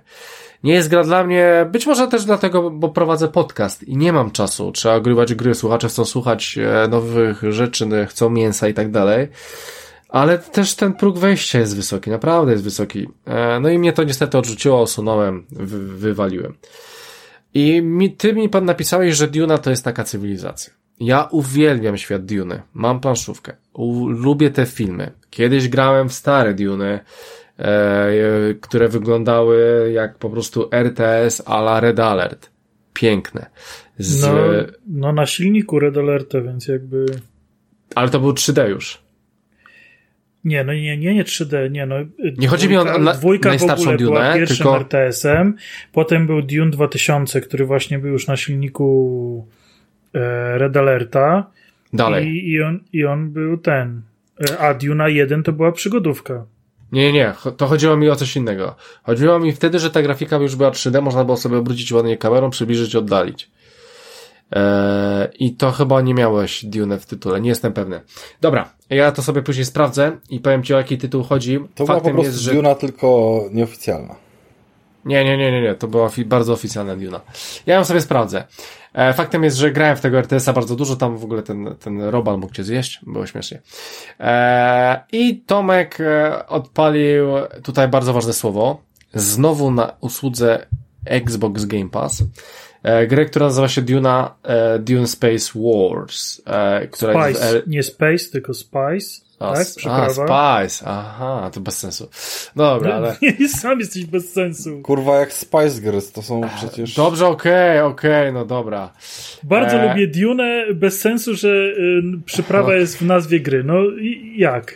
Bardziej mi tutaj pasuje e, kosmos jednak. Jednak Ale ko- tam nie, nie, wiem, kosmosu. nie wiem czemu w Dune pasuje mi kosmos. Może dlatego, że to jest sci-fi, nie mam pojęcia, ale bardziej pasuje mi sma- e, Boże, pasuje mi kosmos niż przyprawa. No i jak? Dobra. Przecież to jest wojna o przyprawę. Ja wiem, ja come rozumiem, on. miałeś te harwestery, okej, spoko, ale mimo Przecież to jest wszystko. najważniejszy, najważniejszy punkt całej, całej, całej w ogóle historii Duny. To jest ta cholerna przyprawa i o to, że Dobra, więc, y- rody ze sobą walczyły o kontrolę nad przyprawą. Dobra, Bo to słuchajcie, jest więc... najważniejsza przyprawa w całym kosmosie uniwersum Dune. Okej, dobra, więc teraz przechodzimy do mnie. Słuchajcie, moją grą, o której sobie dzisiaj powiemy. No dobrze, Tomek, mów o tym, o tej Dune, tylko mnie nie wkurzaj. E, czy ta, tu jest też taki wysoki próg wejścia jak w cywilizacji? E, ja grałem w Cywilizację szóstkę e, na premierę Mhm. e, i e, dostałem strasznie w ciry, więc nie wróciłem już więcej do Cywilizacji 6. Ja witamy powiedziałem, że to jest jak Cywilizacja 6, jak, jak Cywilizacja. Nie, no tak, porządku, Dlatego, że mniej więcej jakby zasady są e, podobne. E, mamy e, w, w Dune e, regiony, którymi zarządzamy. Ja na razie sobie grałem na e, easy jeszcze, żeby, żeby, żeby powiedzieć i udało mi się wygrać bez, e, bez problemu. E, y, Mamy ogólnie w, te, te, w tym momencie, bo Early Access rozwijano od zeszłego roku, e, Mhm. taki, że jest dostępny do, do, do publicznego grania. E, W tym momencie jest bardzo rozbudowany. Mamy trzy jakby wielkości map do wyboru. Mniej więcej można powiedzieć, że mała, średnia i duża. Ja grałem średnią i przejście jej zajęło mi niecałe trzy godziny. Domyślam się, że mała to jest gdzieś na godzinę rozgrywki, no i ta wielka to myślę, że koło dyszki e, mogło, mogłoby pęknąć. Wybieramy jeden z, z jedno z ugrupowań, bo, bo nie mogę powiedzieć, że rodów, bo, bo, bo są też Fremeni do wyboru, są e, przemytnicy, e, więc, więc, są, więc są tam jakieś takie ogólne ugrupowania. Jest, jest jakby rozbudowane lore e, świata. E, Oprócz Harkonnenów i Atrydów e, jest jeszcze e, House Corino, e, który jest e, takim jakby rodem obecnie faworyzowanym przez, e, przez cesarza. E, I jakby w tej chwili jest pięciu ugrupowań, którymi możemy jakby, jakby grać. Każde z nich ma e, jakby inne właściwości, em, które wpływają na, na kilka z mechanizmów e, rozgrywki. Mm, Więc ten wybór ma znaczenie, nie jest, nie jest czysto kolorystyczny. Mm, Mają też innych doradców, którzy również mają tam, tam swoje skille w zależności od tego, od tego, jaką frakcję wybierzecie. E, Po wyboru właśnie, po wyborze frakcji trafiamy na e, wycinek A- Arakis. E, Mamy jeden region, który kontrolujemy, mamy tam swoją stolicę i naszym zadaniem jest e, zwycięstwo nad pozostałymi rodami. I to można osiągnąć na kilka sposobów.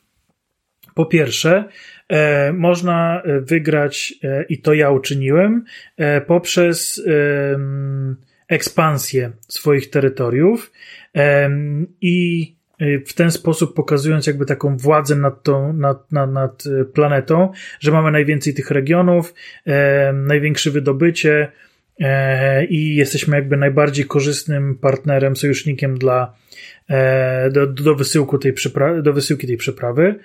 E, drugi ze sposobów to e, zakup akcji, E, ponieważ oprócz tego, że ta przyprawa jest wysyłana w, w określonych ilościach dalej, ponieważ przyprawa dla tych, co nieco nie znają mm, uniwersum, jest wymagana do podróży kosmicznych. Bez, bez tej przyprawy podróże międzygalaktyczne byłyby niemożliwe w tym, w tym świecie, więc jest to niesamowicie cenny surowiec. Ale wszystkie nadwyżki możemy sprzedać na wolnym rynku. E, taki, który właśnie zaopatrują, za, zaopatruje y, przemytników, czy, czy wolnych strzelców, czy też inne rody. E, I możemy właśnie kupować akcje, e, jakby y, tej przyprawy, co spowoduje, że będziemy dostawać zyski od sprzedaży. Kiedy inni po prostu będą korzystać z domu aukcyjnego, my będziemy dostawać z tego zyski. I tam trzeba zdobyć 50% udziałów, E, żeby zwyciężyć. E, I to już widzę, że e, przemytnicy zawsze idą w stronę tego zwycięstwa. No i ostatnim z możliwych zwycięstw jest zwycięstwo militarne, polegające na zniszczeniu przeciwników, aczkolwiek można to, można też korzystając ze swoich agentów i ze swoich jakby tych specjalnych doradców, na przykład zlecić zabójstwo E, przywódcy inny, innej frakcji, e, przez co e, frakcja ta staje się łatwiejszym łupem dla nas, więc, więc są też takie, jakieś tam polityczne zagrywki.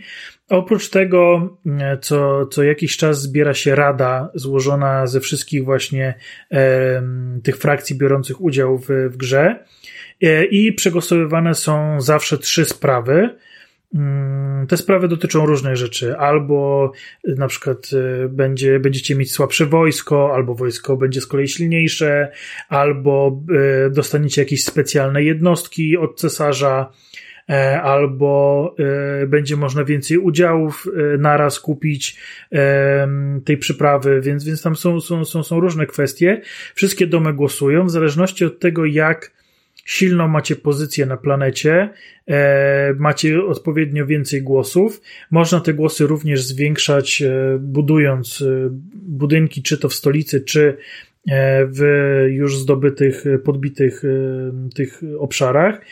E, oczywiście jest wydobycie przyprawy, e, są czerwie, które, które potrafią zjeść nieuważny oddział albo nieuważną żniwiarkę, e, są ornitokoptery, które latają po mapie i odkrywają ją, są wydarzenia losowe, które dają wam różne surowce i, i informacje.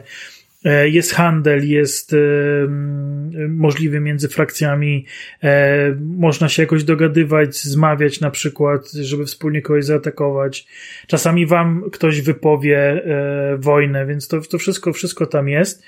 Gra jest niesamowicie rozbudowana jak na Early Access. Działa to fantastycznie. Nie, nie zauważyłem żadnych błędów, e, takich, które by jakoś bardzo mocno wpływały na rozgrywkę.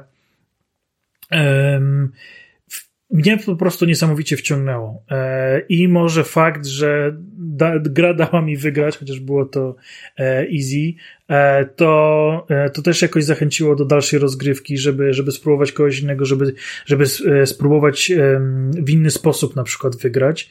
Mm, I moim zdaniem, w oczekiwaniu na premierę drugiej części filmu, jest to fantastyczna pozycja dla wszystkich tych, którzy mają sensowne pecety. E, I mają oczywiście Game Passa. E, w Game Passie ta gra jest e, za darmo w ramach abonamentu, więc, więc naprawdę aż żal nie sprawdzić. Mm, ja bardzo chciałem namówić chłopaków na wspólną rozgrywkę. Na razie wstępnie, wstępnie wyrazili chęć, jak się uda, żeby, żeby się zgrać w czasie, to zobaczymy. Natomiast, natomiast na pewno, na pewno będę lobbował, żeby, żeby to się udało. Wydaje mi się, że to może być bardzo, bardzo fajna gra właśnie do, e, do wspólnych potyczek. E, też miałem takie poczucie, trochę cofnięcie się w czasie do, do, do momentów, kiedy e, dość często uczestniczyłem w imprezach typu LAN Party, a kiedy, kiedy zbieraliśmy kompy u osoby jednej i tam zazwyczaj przez, przez weekend graliśmy non-stop w różne, w różne produkcje że to by była właśnie taka fajna, fajna gra, żeby się spotkać z kumplami, e, gdzieś, gdzieś usiąść właśnie z laptopami najprawdopodobniej, no ale też może i ze stacjonarkami i sobie jakoś wspólnie pograć, czas może właśnie w drużynach dwa na dwa, albo wszyscy na wszystkich. E, takie, takie jakieś takie przyjemne wspomnienie mnie naszło. No gra jest przepiękna, działa to fantastycznie. Mm, no ja, ja naprawdę gorąco, gorąco zachęcam do, do spróbowania. E, ciekawą rzecz, bo powiedziałeś, że to jest na PC. To na konsolę normalnie nie wyszło w takim razie? Na razie nie. Na razie nie. E, gdzieś tam czytałem, że, że, że, że planują, e, ale to dopiero jak wyjdzie pełna wersja na PC. Czyli ma wysokie wymagania, mówisz, tak?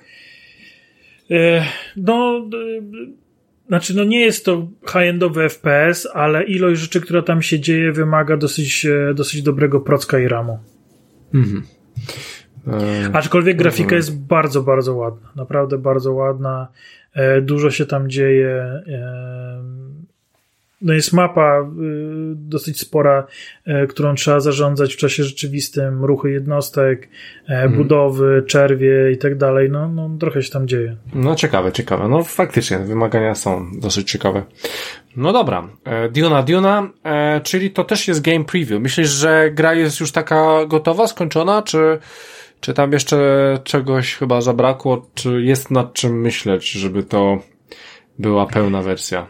E, znaczy nie wiem, no wydaje mi się, że może brakuje jakiegoś trybu fabularnego, który chcą dodać, bo jeżeli chodzi o takie stricte potyczki, że odpalamy mapę i, i sobie gramy, no to mhm. dla mnie nic tej grze nie brakuje. Spokojnie można by dać jej e, opcję pełnej wersji i, i jakby kasować za to, za to pełną kwotę i ja bym się nie obraził, nie? Pod warunkiem, że oczywiście ktoś mi powiedział, słuchaj, tu nie ma jakby e, jakiejś kampanii, e, ten, jest tutorial i potem sobie grasz, to, to, to, to moim zdaniem ta gra ma, ta gra już ma wszystko, jednostki są mocno zróżnicowane, ta, ta, ta stolicę można niesamowicie rozbudowywać. E, to wszystko ma znaczenie, jak tą stolicę rozbudowujecie. E, są olbrzymie drzewka, jakby takich trochę talentów danego rodu, które usprawniają i przybliżają was do danego zwycięstwa, właśnie czy militarnego, czy finansowego, czy, czy przez przejęcie tych obszarów. E, więc, e, więc no to jest, to jest petarda. Naprawdę. Petarda. Ja jestem zachwycony. Spoko. E, fajnie, fajnie, dobrze, że tak mówisz, bo lubię e, uniwersum. Grę, o której mówiłem, Tomku, nazywała się Emperor Battle for Dune. O, to nie znam, więc szczerze. A widzisz, to była moja pierwsza Duna, chyba tylko chyba jedyna. I to już była w 3D. Nie, Ona była ja na trzech płytach. I każda. parę lat wiesz, chyba w pierwszej czy w drugiej klasie, jak chodziliśmy i oglądaliśmy, jak ojciec mojego kumpla gra w Duna 2, bo nie, nie chciał nam dać pograć. A no. i żeśmy patrzyli, jak on gra w Duna 2. O Boże, to było piękne. No i e, śmiesznie było, bo instalowałeś jedną płytę, tak? A później na trzech pozostałych miałeś inną rasę. E, no, czyli tych Harkonnenów, tych, e, kto tam było? Arte, coś Atrydzi. tam i Ordo coś tam. Ordosi. No, dokładnie. Więc e, to było super. To było moje pierwsze zetknięcie w ogóle z Duną i, i gra była super. Jak na tamte czasy rewelacyjna od EA. Od EA Games.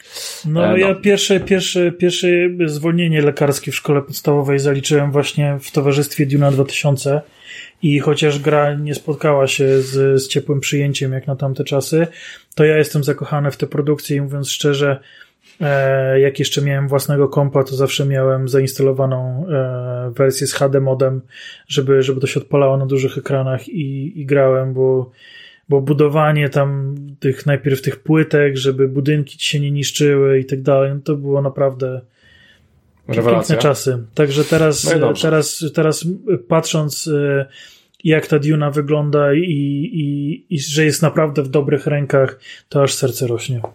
Super. E, dobra. E, nie wiem, ile na Remnanta potrzebujesz czasu, ale domyślam się, że nie aż tak dużo. E, więc powiemy sobie jeszcze o No jednym trochę tytule. się mogę rozgadać, nie? Jak coś. Wiem, wiem, wiem, ale, ale wydaje mi się, że nie aż tak dużo. Dobra, więc powiemy sobie o małym tytule, teraz wspólnie z Tomkiem, ale od czego by to zacząć? Słuchajcie, mój wujek zadzwonił do mnie i mi powiedział, Krystian, Krystian, kurde, Krystian, przeszedłem Ravenlocka, musisz to sprawdzić. Ale wujek Phil? Dokładnie, wujek Phil. Bo ja odkryłem ten tytuł, bo wujek Phil napisał na Twitterze, że to jest bardzo dobry tytuł, że proponuje w to zagrać. E, no i wyobraźcie sobie, że tak na to padło, no to ja powiedziałem chłopakom, ej słuchajcie, wujek, wujek mówi, że dobre. No i od razu Tomek podchwycił, ja ściągnąłem, Tomek ściągnął, ja przeszedłem, później Tomek przeszedł. I sobie teraz o tym powiemy, czy wujek miał rację. Słuchajcie, Ravenlock to jest gra. Kurczę, to taki troszeczkę chyba hack and slash z takimi mm, zagadkami, może point trochę, z trzeciej osoby. E, Mamy główną bohaterkę, dziewczynkę, która e, przeprowadza się z rodzicami do nowego, na farmę w sumie, do nowej farmy, nowy dom, nowa farma, wszystko nowe. I okazuje się, że tam, tam oczywiście misja w stylu e, znalezienia chuja śmiet, w śmietniku, czyli mama mówi, przynieś mi serwetkę, są tu, przynieś mi kwiatek, jest tu, przynieś mi coś tam, jest tu. No to przynosicie i w pewnym momencie trafiacie do stodoły na tej farmie, w którym jest lustro, dotykacie lustra i trafiacie do takiego upside down, jak w Stranger Things, świata, alternatywnego, w sumie dziejąca się w tym samym miejscu, ponieważ ten dom, nie wiem, czy Tomek pamiętasz, to jest ten sam dom, co jest w grze. Tak. Eee, I trafiacie do takiego alternatywnego świata, w sumie wszyscy o tym piszą. Eee, tak, jest to świat troszeczkę nawiązujący, spora aluzja do Alicji w Krainie Czarów, ponieważ będą karty, będą króliki, będzie taki dziwny świat, będą zegary, no taki, taka Alicja jest jak najbardziej, będzie zamek. E, jak najbardziej nawiązanie do Alicji jest. Jest i ona im odpowiada i się wszystko zgadza. No i trafiacie do tego świata, mm, dotykając tego lustra, jesteście w tym świecie, no i okazuje się, że tam jest bardzo zła kobieta i ogólnie, znaczy chyba od razu się o tym nie dowiecie, a może być może się dowiecie, już w sumie nie pamiętam. Faktem jest, że po prostu źle się dzieje w tym świecie. Te króliki, ci wszyscy potrzebują pomocy. E, Wielkiego wojownika, który to wszystko ogarnie, który ogarnie temat w tym świecie. No i jesteście wy, e, e, znajdujecie... Znaczy, to, to jest, trzeba dodać, że jakby nasz, y, nasz konkretnie nasz, y, nasze przybycie zostało zapowiedziane. To nie jest tak, że Aha, no, potrzebują no. jakiegokolwiek wojownika, tylko że konkretnie oni czekają Tak, na tak, nas. było tak, faktycznie, faktycznie tak było, więc e, faktycznie pojawiacie się, e, no i, no i e, dostajecie szabelkę, jak ją sobie znajdziecie i tarczę i wjeżdżacie. No i co? E, przede wszystkim, słuchajcie, gra jest takim, jak już powiedziałem, hack and slashem, ty Tomek możesz się wpieprzać oczywiście. Nie, no, E, dla, znaczy, nie, dla mnie było pierwsze skojarzenie, jeżeli chodzi o styl graficzny i rozgrywkę, to Bastion. E, to jest produkcja, która No, no, no, już wiem, ma wiem. parę lat na, na No karku, tak, ale tak. została wydana już absolutnie na wszystko i była za darmo w tylu miejscach, Mhm. że na pewno żeście kiedyś na nią trafili. Tak, tak, tak. E, To, to pamiętam, że było coś takiego. Faktycznie. E, Tutaj e, spore nawiązanie tam jest do graficznie troszeczkę też. Do poprzedniego tytułu ich, czyli ten Echo Generation. E, nie wiem, czy ty, ty to widziałeś, takie chyba w 2D to było, z tego Nie, co nie. pamiętam. To też było na Game Passie, może nawet jest. Mm, Ale w, e, dla mnie, dla mnie ogólnie, jeżeli chodzi o ten styl graficzny, to jest taki Minecraft, ale na sterydach. Lepiej, więcej, ładniej. Nawet bym się pokusił o, nie wiem, czy w ogóle odpalałeś ten Mi- Minecraft Legends. Nie, jeszcze. E, no to okej, ja już w to grałem. E, chyba nawet z córką możesz popieprzeć na jednym ekranie. Ale nie jestem nie, ona, ona mówi, że już jest za stara na Minecrafta. Ale to nie trzeba być starym na Minecrafta. Nie, Myślę, że- ale wiesz, że- to są społeczne normy, nie? To są społeczne normy wśród Aha, okej, no i no, jakby- tak, tak. Pasta teraz jest ten. Robo, Robo, Roboblox? Robolox? Ro, Tak, Roblox. Roblox, o, sorry. Ale to też jest dla, dla młodszych. Boże. Okej, okay, no to czyli co? Czyli co? Warzone jedziemy. To jest, to jest, no dokładnie. No.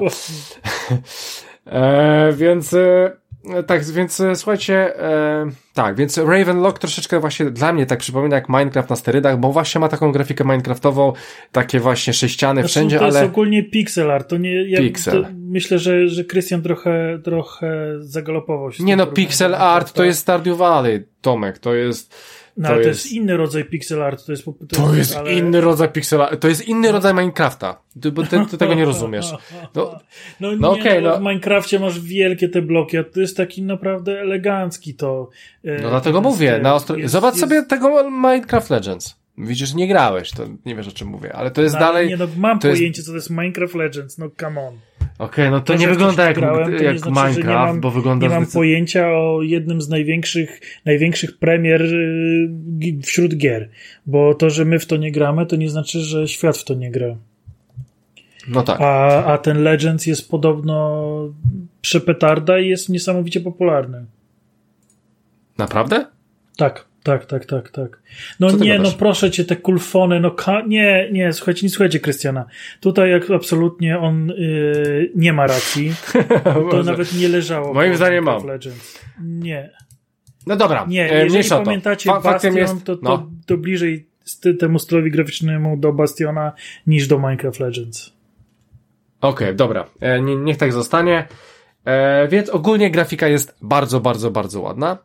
Eee, jak na taką gierkę, tak? Mm, no i słuchajcie, popierdzielamy sobie naszą główną e, bohaterką e, z tą, z tą szabelką i głównie będziemy rozwiązywać różne problemy, z którymi, e, z którymi się spotkamy, jeżeli chodzi o świat. I jest tutaj pewnego rodzaju schemat w tej grze. Trafiamy do pewnego świata, znajdujemy na początku tego świata pewną osobę, która czegoś szuka, na tej planszy, my na tej planszy rozwiązujemy ten problem, wracamy do niej. I tak, taki schemat jest dosyć często. Później będą to bardziej skomplikowane schematy na zasadzie, że ktoś czegoś szuka, ale będzie to w innych światach i trzeba będzie to poszukać. Trzeba będzie nawet rozkminić niektóre rzeczy, trzeba będzie pomyśleć. Ja chyba nawet się zaciąłem w jednym momencie. Ja też. A... Ty też, tak? Tak, tak, tak. E, no, ale, ale nie jakoś długo. E, Rozkminiłem nie, to. Nie, nie, nie, nie. Musiałem, musiałem po prostu troszkę zrobić krok wstecz i spojrzeć na to z szerszej perspektywy. Troszeczkę ale, tak. Ale, ale był taki moment, że myślałem, ja pierdzielę, kurde, jak to rozwiązać w ogóle? No, no, no. Więc, e, ale to też nie jest, nie, nie wiadomo jak ciężkie, to jest wszystko łatwe, to jest, to po prostu trzeba dobrze się przypatrzyć w tej grze, trzeba dobrze porozkminiać, bo ona jest fajnie właśnie zrobiona, jeżeli chodzi o te, o te zagadki, bo w późniejszym etapie tej gry nie są takie oczywiste. Eee, tak. Oczywiście. Nie, ja... nie, nie, gra nie, nie bierze nas za rękę, to prawda, że, że wydaje się, że wszystko to jest takie e, oczywiste, ale, ale tak, tak, tak nie do końca jest. E, I to jest bardzo, bardzo fajne. Bardzo fajne, dokładnie. E, powiem wam też, a, e, krab jest świetna, ja w ogóle z tym krabem się zaciąłem. O, już sobie przypomniałem. Pamiętasz kraba? Pamiętam, tak. Tak, tak. To, to, nie, to powiem to ci, po, powiem ci po odcinku. Ale, co? Jeszcze raz? Z posągami. Zagadka z posągami. Zagadka z posągami to nie. Właśnie z krabem się zacząłem, a później ci powiem czemu. Dobra. E, faktem jest, że mm, tak, więc sobie chodzimy po tym świecie i tak dalej, rozwiązujemy te, e, szukamy chuja w śmietniku, jakby to Rafał określił i e, walczymy. Słuchajcie, ta walka, e, oczywiście mamy tam jakieś mopki na planszy, zawsze się respawnują, co mnie wkurzało, gdzieś tam idziecie, one się znowu respawnują i tak dalej, i tak dalej, ale clue tej gry to, to jest jednak, to są walki z bossami. E, no i moim zdaniem, e, oczywiście Tomek ma większe doświadczenie, jeżeli chodzi o walki z bossami, e, ale moim zdaniem są bardzo dobrze zrobieni, fajnie przedstawieni, jest ich stosunkowo dużo, bo myślę, myślę, że to jest takie klucz trochę tej gry. No i są w miarę wymagający. Znaczy, oczywiście to nie jest Demon Soul, Demon Souls, ale jednak, ale jednak przy niektórych trzeba troszeczkę tak porozkminiać, e, trzeba zobaczyć jakie mają ataki i tak dalej, po prostu i po prostu z nimi walczymy. Tomku? E, tak, to prawda, że, że jest zaskakująco dużo starć z bossami. w stosunku do, do, do, do reszty starć. Było to dosyć duże zaskoczenie i faktycznie no, nie, nie, nie sprawiają jakichś szczególnych trudności. Trzeba, trzeba tam trochę rozkminić, ale wydaje mi się, że maksymalnie do walki podchodziłem trzy razy, e, więc mhm. nie jest to jakaś, jakaś straszna, straszna liczba. Tak. To mówiąc szczerze, jeszcze... dłużej, dłużej zaciąłem się właśnie na tej zagadce niż, niż na walkach. Mhm. A tak, tak, tak, tak. W sumie masz rację. E, ja, ja, tak samo. E, no i słuchajcie, no i poza tym, że będziecie sobie tam e, tym mieczykiem atakować, no to będziecie e, mieli, mieli ten ekwipunek, to, to on tam troszeczkę chyba się będzie zmieniał, a nie jakoś bardzo, ale będziecie mieli też fajnie, e, będziecie mieli też skille. E, co jakiś czas dojdzie wam jakiś tam, e, jakaś tam nowa umiejętność i już w późniejszym etapie gry to praktycznie ja mało napieprzałem, a cały czas używałem te skille. E, bo one się po prostu czekamy aż się zrespawnują i po prostu używać, jak cooldown minie i używać, i używać, i używać. No, no i oczywiście nie, są... okazuje się właśnie, że e, ja, ja korzystałem sporo z, z miecza, ponieważ e, zadawał on większe obrażenia niż te skille A i było mi tego... dużo, dużo no. łatwiej no. mieczem kogoś do, do, dociachać. No tak, ale mia miałeś, miałeś, miałeś taki skill, tam chyba jest taki jeden skill, który rzuca coś w przeciwnika, tak? Tak. Więc tak, możesz, tak, tak, możesz tak. uciekać i rzucać. I, I, to było, wiesz. No okej, okay, ale no, no mówię, jakoś to mi się strasznie dłużyło. Oczywiście korzystałem z tych skilli, ale nie tak, że czekałem aż, aż się odpalą, a raczej mm, właśnie, właśnie jak, jak czekałem na te e, cooldowny, to e, mhm. to mieczek wie, wjechał. I, i, ja tak, ja, ja miałem troszeczkę problem z podejściem z tym mieczem, bo bo łatwo było oberwać w tej grze, pomimo tego, że chyba tutaj unik był. E, jest ale... unik, jest, jest blokada tarczą i jest y, opcja e, riposty, czyli że w odpowiednim momencie, jak odbijecie właśnie ten cios przeciwnika, mhm. e, to możecie zadać mu zwiększone obrażenia tak, od miecza, tak, tak, tak, z czego tak, ja tak. często korzystałem.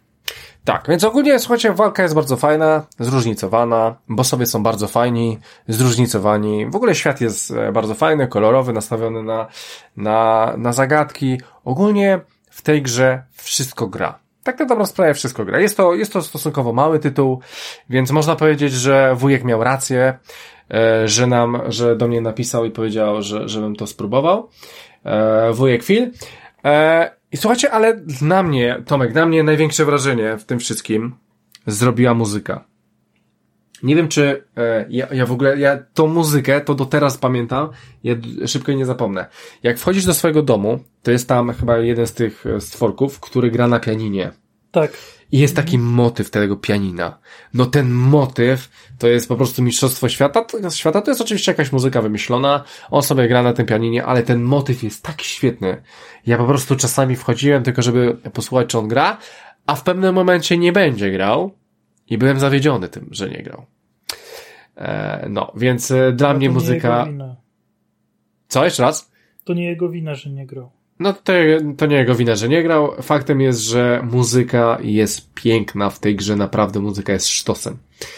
Eee, bardziej mi chodzi o tego typu e, muzykę w, gra, w grze, ponieważ wchodząc do różnych światów, do różnych światów, tak, te, e, te motywy muzyczne będą zróżnicowane, będą inne. E, no. Dobra, czy coś możemy powiedzieć negatywnego tej grze, Tomek?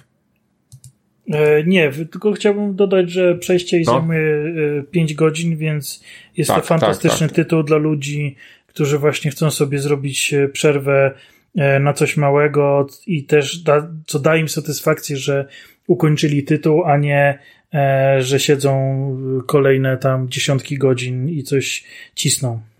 Dokładnie tak, więc jak najbardziej, ja, mi chyba zajęło to 4 albo 4,5. Ja zresztą ci mówiłem. E, faktem jest, że mały, fajny, przyjemny tytuł, e, ale tak sobie ostatnio pomyślałem, kurde, że 4, 4,5, 5 i tak, kurde, grałem i grałem i grałem i tak czekam, no miała być krótka, nie, ale tak jednak, jednak te 4, 4,5 godziny może nie tyle mi się dłużyły, co, co w sumie to, to było całkiem sporo mimo wszystko, nie? E, Okej, okay. E, więc słuchajcie, bardzo fajna gra, e, fajne, ma bardzo dobre zagadki, Mały, fajny indyczek na Game Passie. Ravenlock. Polecamy. Ja polecam. Tomek poleca. Phil poleca, więc musicie to spróbować. Ja, ja tylko jeszcze dodam, że y, ogólnie też jakiś czas temu y, gruchnęła wiadomość, że y, nie będzie y, kolejnej Alicji od y, American McG. Kurde, to było takie zajebiste. Że, że nikt nie chce jakby wydać jego gry i chłopak się na razie na, te, na ten moment obraził, powiedział, że, że w takim razie on to chromoli i więcej tego, więcej o tym nie usłyszymy. Ja żałuję, bo Alicja ta właśnie od Amerykana to jest naprawdę niesamowita, niesamowita gra. Ona jest chyba na Game Passie, z tego co się orientuję. Możliwe. Ja nie, wie, wie jak chcesz chyba. Nie, nie, mam pewności, natomiast Sprawdzę nowej nie będzie, więc jeżeli tak jak e, ja tęsknicie trochę za klimatami właśnie Alicji, to mhm. e, Ravenlock też e, da wam jakby takie trochę poczucie, że, że w tą Alicję sobie gracie. Dokładnie tak. No i w sumie, i w sumie tak jest. No nie oszukujmy się, jest to taki właśnie tytuł e, no z, z Alicją e, w tle. Tak, właśnie patrzę, jest na Game Passie ta Alicja. Może ona jest 360. E... Ale to naprawdę, ja, jeżeli nie graliście, a lubicie platformówki i do tego jeszcze takie e, z mrocznym twistem, to, to koniecznie idźcie i, i, i grajcie w to wszyscy. Dokładnie. E, Bogu niech będą dzięki. Dobra, e, słuchajcie, to przejdźmy do tematu głównego w takim razie.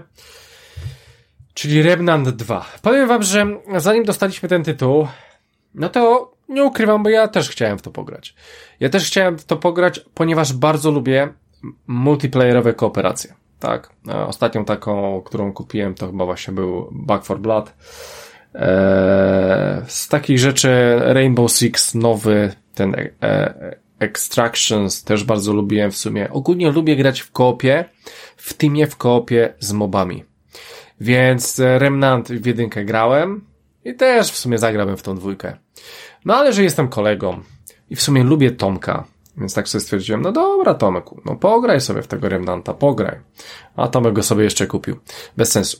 E, faktem jest, że słuchajcie, Remnant 2 jest dobrym tytułem, jest kontynuacją jedynki i właśnie Tomku powiedz mi, jaką kontynuacją. Możesz jeszcze e, powiedzieć to małą anegdotę, z tym twoim multiplayerem. O Boże, koniecznie. No, lepiej, Niekoniecznie lepiej, na początku, ale, ale... Lepiej, żebym ja to powiedział, niż żebyś to to opowiedział. ale jaki twój odbiór tej gry byłby zupełnie inny, co? Tak. Zupełnie. To, to, I to tak, i, i, to, i to czyja by byłaby to wina? No to, Moja. to byłaby wina, ale nie, ale nie, nie, nie, ale tak z twojej perspektywy. No nie, Boże, no moja, na tym, że, na tym Xboxie to nikt nie gra w ogóle, nie? No kurde. Znaczy, takie miałem myśli. Dobra, no, no, no to jak, no. Już, jak już jesteśmy tak daleko, no, to nie ma sensu jakby z tym, z tym zwlekać. No tak, tak, e, tak. Więc, e, więc tak, no gra jest absolutnie multiplayerowa, nastawiona na kooperację. E, działa to w taki sposób, że możecie oczywiście mieć e, grę offline, możecie mieć online z możliwością, że tylko znajomi mogą do Was dołączyć, ale możecie też otworzyć sobie kanał i wtedy dowolna osoba z dowolnego krańca świata może do Was dołączyć. I to samo Wy możecie robić, czyli do wszystkich tych, którzy mają udostępnione e, właśnie to połączenie otwarte, e, możecie w każdej chwili dołączyć e, do ich gier i z nimi sobie tam w tym koopie grać. I to, to działa też tak samo jak w Redfallu, że kontynuujesz czyjąś misję, tobie się nie zapisuje? Czy tobie, tobie się też... Tobie, to jest tak, tobie się nie zapisuje twoja kampania, ale o tym za chwilę. Dobra, dobra, o tym no. za chwilę, bo, dobra, to jest za dużo, żeby mówić w tym momencie o tym. Mhm. E, więc, e, więc możecie się łączyć e, do kogoś, ktoś się może dołączyć do Was. Okay. No i wyobraźcie sobie, mm, e, ja sobie grałem, nikt się do mnie nie dołączył, no mówię, no, no spoko, no może, może tak być, tak? Ja, ja zazwyczaj jak siadam, to robię takie dosyć kilkugodzinne te, te posiadły, więc no sobie grałem, było fajnie. E, doszedłem do e, pierwszego tutaj e, nazywanego World Bossa, czyli takiego bossa danego biomu, bo tutaj też są biomy, takie, takie kurafałe były biomy, tak, takie tutaj są biomy. Mhm. I spuścił mi straszny wpierdziel. Ale straszny. Siedziałem tam z godzinę, walka trwała może minutę, dwie, a ja godzinę tak po prostu wchodziłem na arenę, on mnie zabijał, ja schodziłem i tak, tak wciągle. No i mówię, dobra, no to może ktoś by się do mnie dołączył. No ale co próbuję wejść w multiplayer, pojawia mi się napis, nie ma żadnych gier, z którymi, e, nie ma jakby żadnych gier, z którymi możesz się połączyć. I ja mówię, co jest? No i napisałem do naszego jakby głównego guru od Xboxa Krystiana, Krystianie ratuj. A Krystian mówi, no bo ty grasz tam po nocy, spróbuj w innych godzinach. No i następnego dnia, dzień po premierze, usiadłem o 14, usiadłem o 15, o 16, potem sobie chwilę popracowałem, wróciłem o 18 i od 18 do, do, do, do jak grałem już potem do, do nocy, no, no ciągle nie ma tych gier. I ja mówię, nie, no nikt nie gra. Wpisywałem w Google, nie, nie działa mi multiplayer na Xboxie, nic w ogóle nie, nie znajdowało żadnych ten. No i tak minął mi drugi dzień. E, ja poszedłem e, farmić mapę, wykoksiłem się, przeszedłem w sumie tego, tego bossa, poszedłem dalej. Ale już byłem taki wymęczony, dobra, po tym bossie przerwałem, wstaję rano i Krystian mówi słuchaj, ale quick resume to masz wyłączone, tak? E, a ja, no nie, dzia działa. No, bo jak jest quick resume, to nie będzie y, internetu w grze. Ja mówię, aha, no to fajnie. No i okazało się, że faktycznie quick resume było powodem, dla którego nigdzie mnie nie łączyło, bo ja e, siadając do gry właśnie sobie korzystałem z tej opcji, odpalałem to i to powodowało, że te gier mi nie wyszukiwało.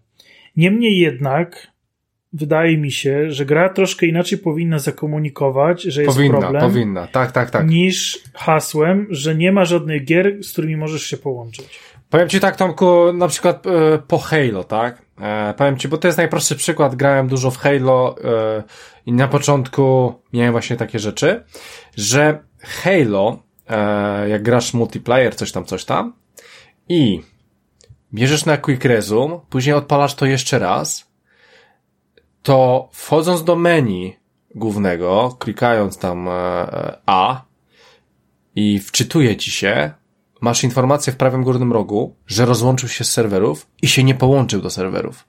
Więc twoje menu wygląda troszeczkę inaczej. W związku z tym musisz go wyłączyć ręcznie i włączyć jeszcze raz. Przez to ja już to w automacie wyłączam ręcznie, e, no bo gra multiplayerowa i, i przyzwyczaiłem się, że praktycznie wszystkie multiplayerowe gry tak wyłączam. E, no bo one, one nie będą cię utrzymywały cały czas w serwerze. No, nie, ale to ma sens. No ma oczywiście, sens, że to ma sens, no bo... Normalnie przy Quick Resume ja bym widział to w ten sposób, że gra wraca z tego, z, z, wracasz... I się łączy w automacie. I on łączy cię z serwerem, tak, albo rzuca powinien, ci właśnie komunikat. Powinien, powinien, powinien, powinien. ale... z serwerem, połącz się z serwerem. I dla mnie to by było ok. Tak. Ale z mojej perspektywy gra działała. Nic się nie wydarzyło. Ja myślę, że E, tak, no bo, no bo, ogólnie gra działa. No przecież w Halo też sobie. No tak, ale, ale, ale jak, ma, jak, jak gram w gry multiplayer na PlayStation no. i usypiam konsolę i wracam po uśpieniu i odpalam ten tytuł, to dostaję mega wielki komunikat. Hej, nie było cię, rozłączyło cię z serwerem. Mhm. Połącz się z serwerem, żeby mieć funkcje sieciowe. W każdej ja myślę... jednej produkcji, więc, y, więc no jakby. No, a tam no... dostałem komunikat, że nie ma gier, z którymi się mogę połączyć. Znaczy... Nie, że problem leży u mnie. Tak, tak, tak. Ja myślę, że wiesz, ja myślę, że ludzie to zgłoszą, to ty to dostajesz na premierę, więc ja myślę, że jakaś pierwsza, druga, trzecia łatka e, dojdzie i to będzie jakoś bardziej widoczny ten komunikat. E, z jednej strony. Z drugiej strony tak sobie pomyślałem, że Sony jest pewnie zazdrosne, że nie ma Quick Resume e, i po prostu zapłaciło na przykład firmie, która stworzyła Remnanta, że po prostu takiej informacji nie było i jestem w stanie w to uwierzyć, tak? Więc ja myślę, że jakieś aktualizacje czy coś spowodują, że że będzie ok, no bo Tomek ogrywał tą grę na Xboxie. W ogóle dzisiaj mamy fajny odcinek, taki Xboxowo, PC-towo, Xboxowo, Game Passowy. Bardzo mi się podoba. Bardzo. Dobra, więc mm, Tomku, e, w końcu udało Ci się zagrać w multiplayer i stwierdziłeś, że no ta gra jest jednak na multiplayer. No jak ja mogłem grać samemu? Bez sensu. Znaczy, e, ogólnie no wiadomo, że wszystko w koopie smakuje lepiej. Mhm. E, z jakiegoś powodu udało nam się skończyć tego nieszczęsnego Redfalla. E, dzięki właśnie mocy koopa, więc, więc y, ta moc jest naprawdę wielka. E, I faktycznie no, jest spoko. I jest to jednocześnie e, największy minus tej produkcji. E, I nie, nie, nie sam fakt, że jest ten koop, tylko jakość niestety połączeń między serwerami. E, ponieważ e, rozłączanie w trakcie rozgrywki jest na porządku dziennym. Czasem e, po paru minutach, czasem po kilku godzinach wspólnej rozgrywki. Natomiast najczęściej w środku starcia z bossem. O, ho, ho, ho. Więc, ale ja pamiętam, że ja w jedynce też miałem takie dziwne problemy. Więc wyobraźcie sobie sytuację, w której wchodzicie na bossa, wchodzicie w trójkę, bo tr trzy osoby to jest maksymalna liczba osób do koopa e, w tej grze. Wchodzicie w trójkę, w związku z tym boss jest trzykrotnie wzmocniony, bo jest dostosowany do, do, do, do, do, party. I nagle wasi e, kompanii e, w połowie ich rozłącza i zostajecie sami z tym bossem, nie? E, czy was wyrzuca, czy na przykład bardzo często było tak, że już prawie ten boss padał, dosłownie ostatnie sekundy im nie rozłączało. I nie ma nagród, nie ma, nie ma jakby czas spędzony na próbach, na staraniach, nie ma, wszystko przepada. E, ogólnie tutaj z tymi serwerami jest coś nie tak, bo e, czasami ucina nagrody z ostatnich kilku minut, Wydawałoby się, że no, gra nastawiona, no, znaczy ogólnie, że są co podobne i nastawiona na, na grę multiplayer, troszkę będzie częściej jednak zapisywać te postacie, ale wielokrotnie było tak, że właśnie podniosłem jakiś przedmiot, którego nie było w moim świecie, o tym za chwilę, e, i, i znalazłem go tutaj i rozłączyłem po paru minutach i wracam i nie ma tego przedmiotu w ekwipunku, więc no to boli. E, ten aspekt mhm. boli bardzo i jest to coś, co dla mnie z tytułu dziesiątkowego e, zmienia ten tytuł na 8. Bo jednak e, jest to, bar, jest to jakby naj, najważniejsza część właściwie, e, techniczny aspekt jakby tej gry, odpowiadający za fan i jest on marny. Jest naprawdę marny i e, mimo wszystkiego innego, co ta gra robi zajebiście, ten aspekt leży i boli bardzo. No ale dobra, to tak y, już, y, że tak powiem, poszedłem już za, za, za daleko. No właśnie poszedłeś tak, że, że, że rodzi się pytanie, czy jak, jak to byłoby ok, to czy by nie była dycha, czyli za pół roku nie, nie no było, ja nie, nie, nie, absolutnie. Dla mnie to by była dycha. Dla mnie to by była dycha. Gdyby, ten, gdyby te serwery działały, to by była to absolutna dycha. Tylko, że to jeszcze e... jest, wiesz, w możliwości do naprawy chyba, nie? No tak, ale oceniam grę no tak, grę spoko. Premierę, tak, tak, tak, oczywiście, tak, tak. Jest w pełnej, tak, tak, pełnej tak. cenie, jakby nie, nie, nie, nie ten, no i ja oczekuję, że ta gra będzie działać, tak? No nie, tak, nie, tak, nie, nie. Nie, nie, nie, że dam dychę za dwa lata, jak to naprawią. Nie, nie oceniam to tu i teraz. Um, ale tak, Remnant 2 to tak jak już Krystian powiedział, jest to Souls-like e, z, z bronią palną. E, jedynka mocno oscylowała w stronę westernu, i takich klimatów westernowych. E, dwójka e, do klimatów westernowych dodaje e, uzbrojenie lat 60. Ameryki Północnej oraz różnego rodzaju bronie science fiction. I mówiąc szczerze, dla mnie ta gra była źle zareklamowana bo w materiałach tuż przed premierą był bardzo silny nacisk właśnie na E, biom taki e, science fiction i wyglądało to dla mnie, że fajnego fantazy wokół e, głównego złego, czyli złych korzeni, bo, bo, bo źli, złe, źli kosmici, kosmici nazywają się ród, czyli korzeń, i oni faktycznie mhm. przemieniali różne rzeczy w takie drewno podobne stworzenia, i to było niesamowite. Strasznie mi się ten motyw podobał. Więc dalej mamy te, tego samego złego tam. E, tyle tylko, że właśnie nagle jakiś kosmici, science fiction, coś tam, elek elektryczności, no, no o co tu chodzi? I to mnie odrzuciło, bo ja lubiłem właśnie ten klimat taki jakby rewolwerowca walczącego z drzewami, nie? Mhm. E, a tutaj zupełnie jakby ten klimat poszedł z inną stronę. I po pierwsze, jeżeli macie tak samo jak ja, to e, to jest po prostu zły marketing. Ten biom w science fiction jest przezajebisty. Jest tak niesamowicie pasujący do tego, do tej gry, że to się w głowie nie mieści. To po pierwsze. Po drugie, e, dalej ten, ta, ta zaraza taka korzenia jest. Ona faktycznie działa, faktycznie e, się pojawia jest fantastycznie rozwinięta. W ogóle to jest genialna, genialny jakby przykład, jak świetnie zrobić drugą część gry bo ta gra robi wszystko lepiej co jedynka, właściwie nie, nie, nie przewraca niczego do góry nogami, tylko wszystko robi lepiej. Jest więcej, mocniej, fajniej. Design po prostu tych lokacji jest przezajebisty. Pomysły na to, jak to zostało zrobione. No to jest, to jest, ja, no ja się bawię świetnie. Ja przeszedłem tę grę mocno liżąc ścianę w 20 godzin. E, ukończyłem ją w weekend. Od weekendu mamy dzisiaj środę nabiłem kolejne 20 godzin, odblokowując rzeczy, które twórcy ukryli.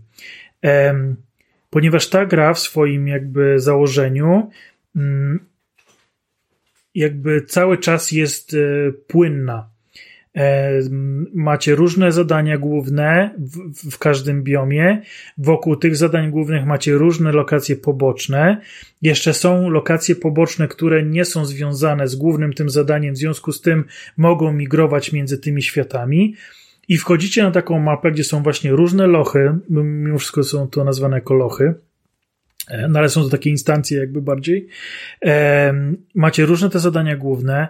W zadaniach głównych bossowie mają alternatywne e, możliwości pokonania, co skutkuje innymi nagrodami. Macie klasy postaci, które dostajecie na, na początku, ale potem możecie te klasy postaci jeszcze odblokowywać grając, wykonując różne zadania. I te klasy, i te klasy postaci różnią się znacznie są typowi DPS-i, są, są, są tanki, e, są healerzy, y, czy, czy, czy inne supporty. I każda, każda ta klasa jest, jest zupełnie inna. Jest jeszcze jedna ukryta klasa, którą właśnie teraz próbuję odblokować, z ostatnią już została. E, w ogóle, którą, żeby odblokować, najpierw należało przeszukać pliki gry, żeby dowiedzieć się, co trzeba zrobić. E, lista wymagań jest olbrzymia, bo chyba trzeba mieć 18 różnych zależności, w sensie przedmiotów, konfiguracji, postaci, skilli, wszystkiego, żeby to zadziałało i jeszcze trzeba znaleźć miejsce, w którym to wszystko zadziała, więc, więc kosmos, ale oni jakby specjalnie ukryli ją w, w plikach źródłowych gry, żeby właśnie gracze mogli to znaleźć i ten, i, i odkryć i to wszystko tutaj jest. Um, i przez to, że są to różne światy, więc może się zdarzyć, że na przykład dołączacie do swojego kolegi, który ma zupełnie inną kampanię, ale, ale absolutnie inną. Mimo, że świat jest ten sam, e, jak rozmawiacie sobie tam z tymi pobocznymi postaciami, to oni wam opowiadają o tym świecie, bo każdy biom ma jakby swoją historię i te biomy nie wiedzą o innych biomach. Więc dla nich to jest jedyny świat, jaki jest. I nagle pojawia się ktoś nowy, znikąd, widać, że jest absolutnie obcy, że jest nie z tego świata, e, więc oni też jakby, jakby, jakby są tutaj zaskoczeni, ale też opowiadają o tych światach i okazuje się, że na przykład te postacie wspominają o tych innych bossach, których wy na przykład w ogóle nie będziecie z nimi walczyć. Więc jest to niesamowicie, niesamowicie zrobione. E, też ta jakby regrywalność E, taki powrót e, jest, jest nieskończony, bo ciągle możecie znajdować coś nowego. Nawet w ramach danego małego jakby lochu, on może mieć różne warianty, przez co e, na przykład u mnie nie, nie pojawiło się miejsce, gdzie można zdobyć taki super miecz. I musiałem kilka razy później, jest to możliwe, jakby przetasować ten świat, żeby wyrzuciło, wylosowało mi świat, w którym będę miał E, loch, w którym to będzie ten e, fragment mapy, gdzie znajdę ten miecz. Więc to jest niesamowite. Oczywiście wymaga grindu, bo, e, bo kasy jest zawsze za mało i takiego materiału, które wypada z mini bossów i z dużych bossów, a który służy właśnie do, do kupowania czy e, broni z bossów, czy rozwoju postaci, czy upgrade'ów, więc, więc ciągle, ciągle tego, tego wszystkiego jest za mało, ale bieganie z innymi ludźmi, pokazywanie im na przykład sekretów, które wy już odkryliście, e, bo, bo jest absolutny po prostu zatrzęsienie sekretów. I, i pokazanie właśnie komuś, albo ktoś wam pokaże, jakiś swój sekret, dzięki temu wy to pokażecie dalej, więc jest bardzo fajnie też fajni ludzie grają, bo naprawdę nie wiem, myślę, że ze 100 osób gdzieś e, przy, przy, przy jakby ze 100 osobami grałem łącznie od, od premiery. E, były to, były to same jakby losowe postacie gdzieś tam z internetu, sądząc po nikach e, z różnych części świata. E, raz nawet grałem z gościem z Ameryki w weekend i zaprosił mnie do imprezy i siedzieliśmy na słuchawkach i tutaj gra była łaskawa, bo, bo, bo to był chyba jeden, jedyny raz, kiedy on po prostu zdecydował, że jest tam chyba siódma rana u niego i czas spać E, i po prostu wyszedł z gry, e, ale, ale siedzieliśmy sobie na słuchawkach i gadaliśmy i rozkminialiśmy razem zagadki i no obca osoba z internetu, nie? A... Znaczy, ja, ja tu chcę dodać, bo to dla ciebie jest, e, Tomek, troszeczkę nowość, bo ty w gry multiplayerowe to raczej jednak na PlayStation. E, musisz wiedzieć, że gracze e, Xboxowi są bardziej życzliwi niż e, gracze PlayStation. No to ta, ta, taką małą dygresję chciałem zrobić. Więc to jest coś normalnego, że, że ktoś jest, cię zaprosi. To jest nie, nie, nieprawda, jeżeli chodzi o graczy PlayStation. E, Krystian, takie głupoty ale... dzisiaj pierdolisz, że ja nawet nie muszę się nic odzywać. Okej, okay, do, do, dobrze, proszę kontynuować, Tomku. No więc sobie to, siedziałeś, czy... grałeś z nim i było super. Tak, więc, więc, więc y, jakby możliwość odkrywania tego, tego świata z innymi jest, y, jest niesamowita. No żałuję niestety, mm. że nie miałem z kim zagrać, z, z kimś kogoś znam, bo zamęczałem żonę po prostu opowieściami o tej grze, bo, bo kończyłem jakby grać, była, nie wiem, druga w nocy, ja już ledwo widziałem na oczy, ale jeszcze musiałem jej opowiedzieć, jak, że coś tam zrobiłem, coś odkryłem i jak to połączyłem i jak, i co ona, dostałem. Ona o tej drugiej nie spała? Yy, no spała. to jak ty jej powiedziałeś? No budziłem ją i słuchaj, muszę ci opowiedzieć. Aha, okej, okay. no dobra. E, więc ja w ogóle żyję tą grą. Ja naprawdę żyję od, odkąd dostałem, e, znaczy odkąd włączyli mi internet, to żyję tą grą. E, cały dzień po prostu rozkminiam w pracy, co zrobię, jak wrócę, jak sobie świat e, jakby tam wylosuje, jak, jaką, jaką instancję tych lochów potrzebuję, co zrobię, jaki jeszcze pancerz mam do odblokowania a mhm. jaki jeszcze event, bo są, są też eventy na mapach, które również są losowe i które jakoś tam trzeba, trzeba, trzeba mm, odblokować. E, mnie ta gra kupiła absolutnie designem, mhm. e, przemyślaną losowością. To jest waż, wa, ważne, że, że to nie jest y, hurdur y, w Borderlandsach pierdyliard broni z losowymi statystykami, tylko to jest wszystko przemyślane macie zatrzęsienie e, pierścieni. Łącznie możecie nosić cztery pierścienie. Ja już w tej chwili mam ich odblokowane, nie chcę ją skomać z 60 i jestem pewien, że to nie jest koniec. Mhm. E, każdy ten pierścień robi zupełnie co innego. Możecie łączyć je w takie różne kombosy, ustawiać postać. E, wasza postać w ogóle może być dwuklasowa, do czego zachęcam. Każda klasa daje coś innego i możecie sobie naprawdę fajne, fajne rzeczy łączyć, dostosować jakby to do waszego stylu gry.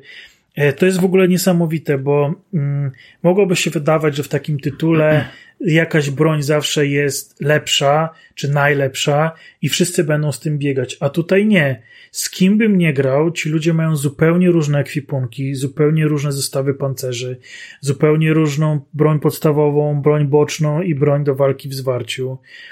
E, zupełnie inaczej grają. E, używają przedmiotów, czy tych skilli, czy mm, czy wpadają na przykład w grupę wrogów i walą ich mieczem, czy są snajperami, czy znikają.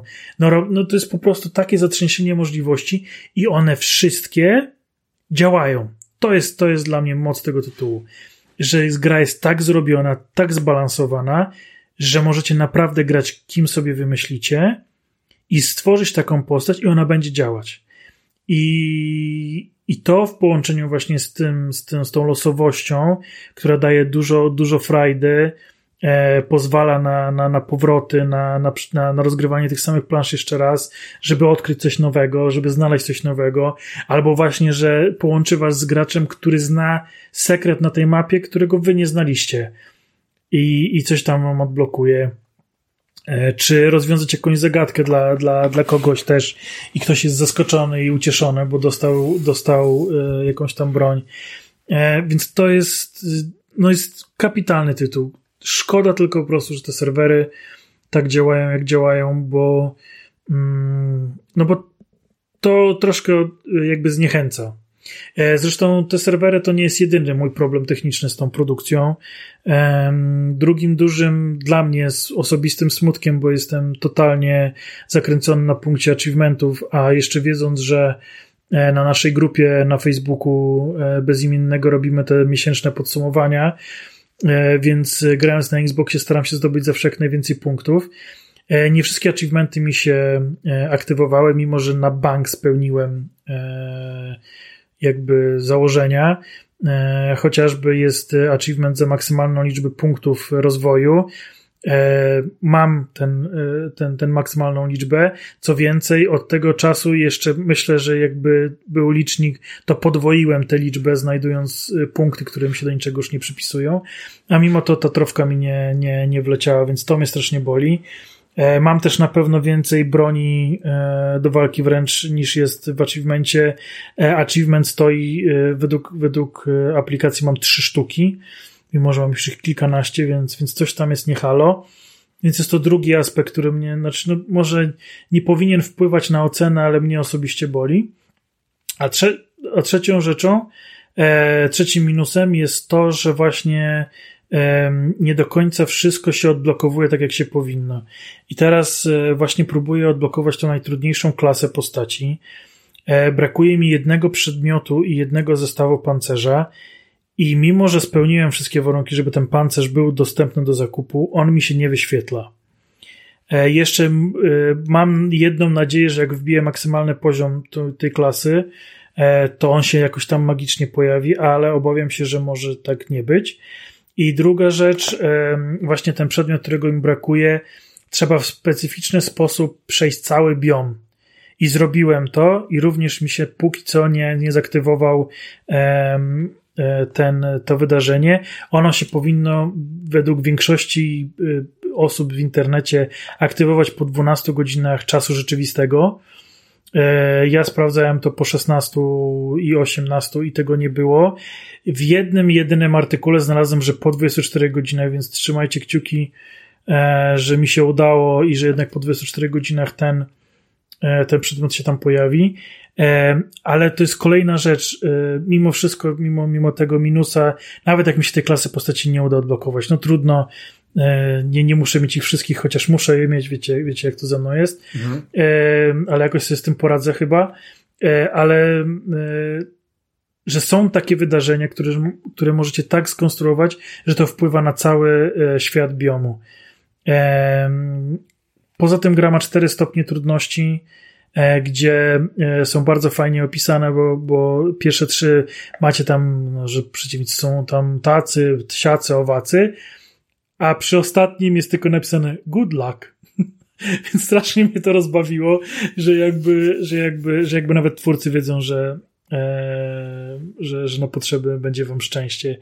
E, oprócz tego pierwszego bossa, który naprawdę napsuł mi krwi i jest niesamowicie trudny porównywalnie do wszystkich innych, e, jeszcze finałowy boss jest e, odjechany ale to trzeba przeżyć samemu, żeby, żeby to zrozumieć. Jest odjechany i też sprawił sporo mi trudności. Na szczęście oba, oba, obu bossów e, pokonałem już kilkakrotnie, więc, więc, e, więc mam już jakąś tam wprawę. Ale pierwsze te starcia, pierwszy właśnie taki największy boss i ostatni, no to są jazdy bez trzymanki. Mhm. E, Topku, powiedz mi teraz w stosunku do jedynki, jak ten poziom trudności e, jest w dwójce, bo jedynkę też grałeś, też przeszedłeś chyba, tak? Tak, tak, tak, tak, tak. Więc tak, jak to w takim razie odbywa się w dwójce? Jest to łatwiejszy tytuł, trudniejszy tytuł? Taki sam. Nie umiem, nie umiem jednoznacznie powiedzieć. naj, najbliżej byłbym stwierdzenia, że jest taki sam. E, może odrobinę łatwiejszy bo jednak pamiętam, że ta jedynka e, sprawiała mi trudność ogólnie. Mhm. E, taka, taka klasyczna rozgrywka sprawiała mi trudność. Natomiast w dwójce właściwie tylko starcia z bossami e, były wezwaniem. To nie, nie, nie zrozumcie mnie źle. Na zwykłych mopkach zginąłem mnóstwo razy ale nie było, ale była to moja głupota, ewentualnie z, za duże agro na zbyt dużą ilość przeciwników, a nie, a nie, że gra jest trudna. Natomiast, natomiast tutaj no, bossowie są wyzwaniem.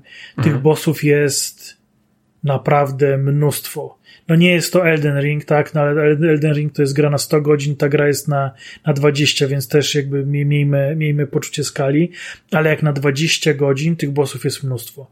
Instancja, przejście instancji zajmuje około 15 minut, tych instancji jest, nie wiem, 50, Mhm. I, e, i na, prawie na każdym końcu jest boss, czasami tych bossów jest kilka, e, czasami jest boss, który potem staje się zwykłym przeciwnikiem, e, na, latającym na mapie, e, więc, więc no jest tego naprawdę, naprawdę sporo.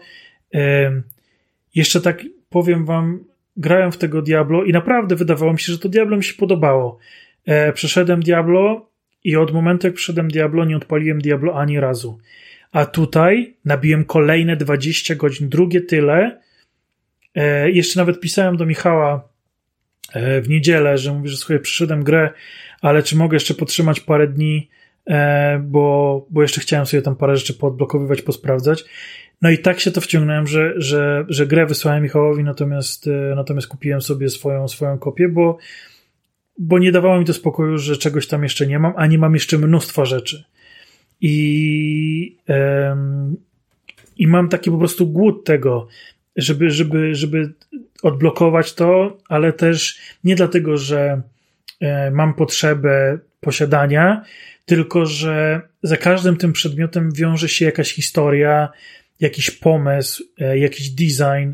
No teraz w ogóle, no po naprawdę wielu godzinach gry, nie wiem, gdzieś po 35 trafiłem do lokacji, w której nie byłem wcześniej i która y, teoretycznie była lokacją taką, no nazwijmy to bossem, chociaż nie było tam bossa, a mimo to no, by, było epicko, więc y, chylę, chylę głow, jakby czapkę z, głów, e, dla, z głowy dla, dla twórców tej gry, bo widać, że włożyli w to mnóstwo pracy, mnóstwo serca i to zaowocowało genialnym tytułem. E, tytuł kosztuje dwie stówki, i na premierę i jeżeli macie je wolne, to naprawdę iść i kupujcie Remnanta, bo jest to tytuł genialny. Myślę też, chociaż nie mogę tego sprawdzić na razie, czekam aż Miki kupi swoją grę e, albo Michał wróci z delegacji i odpali swój tytuł, że w połączeniu lokalnie te serwery mogą działać lepiej. Bo z jakiegoś powodu, jak gracze do mnie dołączali, E, to wytrzymało to połączenie dłużej niż jak ja dołączam do kogoś. Mhm. No to ciekawe. E, tak. E, tam chyba czytałem, że, że te serwery to, to nie są jakieś tam ich serwery, tylko nie wiem, czy to jest e, peer-to-peer, czy coś tam. E, dramat. Dobra, e, Tomku, jeszcze chyba chciałem się spytać od ciebie, czy ten tytuł wygląda nowogeneracyjnie, czy tak średnio? O czy... Jezus, znaczy Final to to chyba nie jest, co? To nie jest Final, ale no Final to jest zupełnie inna liga. Natomiast gra jest przepiękna.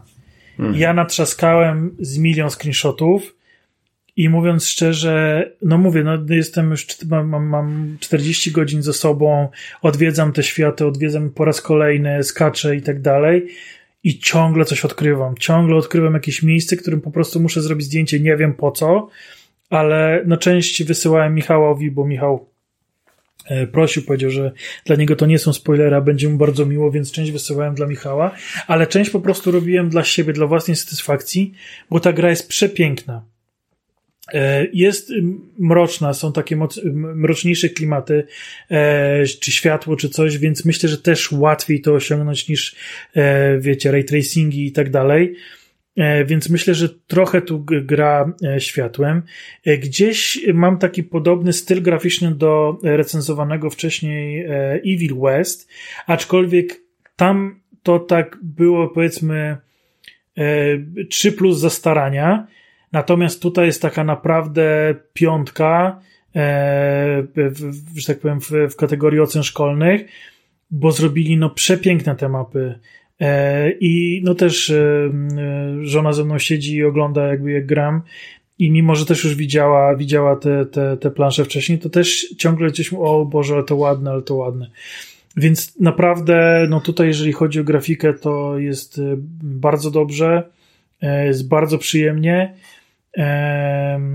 Aczkolwiek, no, zdarzają się jakieś tam techniczne dro, dropy klatek przy, przy większej rozpierduszce. Mhm. Jak jest tam, powiedzmy, trzech tych graczy i każdy tam odpali swoje skille, to to widać, że najmocniejsza konsola na świecie sobie nie radzi troszkę. Mm. No to, to ja myślę, że na PlayStation nie dałoby się grać. Dobra, e, Tomku, więc Remnanta jak najbardziej polecasz? No kurczę, no. Zdecydowanie, zdecydowanie. Ale właśnie, czy polecasz teraz, czy mając na uwadze to, że ta gra będzie działać, wyglądać lepiej? To może tak poczekać, żeby. Wiecie co? E, to jest gra na 20 godzin. Jeżeli będziecie mieć fajne, fajną osobę, z którą macie, e, macie możliwość w to zagrać, niestety nie ma e, lokalnego koopa, jest tylko multiplayerowy koop. Ale jeżeli macie z kim to zagrać, to zdecydowanie teraz. Bo za chwilę będzie Baldur's Gate, za chwilę będzie Starfield, za chwilę w ogóle wybuchnie nam jesień i zaleje, zaleją nas tytuł, a teraz macie cały sierpień na przejście gry na 20 godzin. E, więc, e, więc zdecydowanie to jest ten czas. Tym bardziej, że no poza jakby właśnie, jeżeli nie jesteś takimi hardkorowymi ludźmi jak ja, którzy skaczą po światach, żeby zdobyć konkretny dostęp do konkretnej planszy, żeby na tej konkretnej planszy zrobić konkretną rzecz, to myślę, że będziecie się bawić też dużo lepiej. E, te światy, te biomy są fantastyczne. E, aktualnie tych biomów e, jest cztery, przepraszam, pięć, pięć, z czego mhm. dwa są liniowe, w sensie są takie same dla wszystkich, a trzy są absolutnie losowe. Więc, więc, więc jest no co tak, robić, tak, tak, jest, tak, jest, tak. Się, jest się gdzie bawić. No i jeżeli dobrze rozumuję, Gra będzie miała trzy dodatki i każdy dodatek będzie nowym światem, e, więc też, też warto, warto się tym zainteresować, bo później będzie jeszcze fajniej. Ale ja bym pograł już teraz, bo, bo jest to naprawdę Nie, no, ty to tak. fantastyczny tak. tytuł na wakacje. Mm, ty to tak. Fantastyczny e, tytuł na wakacje, a jutro premiera Baldur's Gate 3 e, na 100 godzin. No tak, to ciekawe. Dobra, więc słuchajcie, Remnant 2 no Tomek jest zachwycony, ale no niestety są te problemy techniczne i serwery i, i, i mogłoby być lepiej. E, jeżeli chodzi na przykład o mnie, to chyba w tą dwójkę pogram, Tomku. Wcześniej czy później ona do mnie trafi. Nie wiem, czy teraz, bo teraz e, będzie inna gra i w sumie już, już, już tak się nastawiam na tym, e, na to, ale może w późniejszym czasie e, zobaczymy. No ja jestem, ja jestem gotowy. No, tak jak mówię, no nie odblokowałem tylko póki co tej jednej klasy, więc e, na pewno mam kim zagrać, co, co, co sprawi, że, że teraz że tak rozgrywka będzie zupełnie inna. No, no. Hmm. No dobra. Eee, to w sumie, słuchajcie, będziemy kończyć ten odcinek. Dwójka wybiła. E, nie ma co otwierać nowych rzeczy, nowe rzeczy zostawimy na w takim razie na następny odcinek. E, ja powiem coś e, w sumie, czego Rafał nie mówi, jak prowadził, czyli gdzie nas możecie spotkać, czyli standardowo nasza strona internetowa bezimienny.pl. Tam sobie wchodzicie i tam wrzucamy odcinki. Ona się troszeczkę zmieniła w ogóle. Ostatnio tam się zmienia co jakiś czas ten layout tego. Mniejsza to. Dalej mamy oczywiście bezimienny podcast małpa.gmail.com, tam możecie pisać, więc jesteśmy zajebiści. E, mamy Facebook i grupę facebookową. Na grupie facebookowej, która jest zamknięta, wpisujemy bardzo ciekawe rzeczy.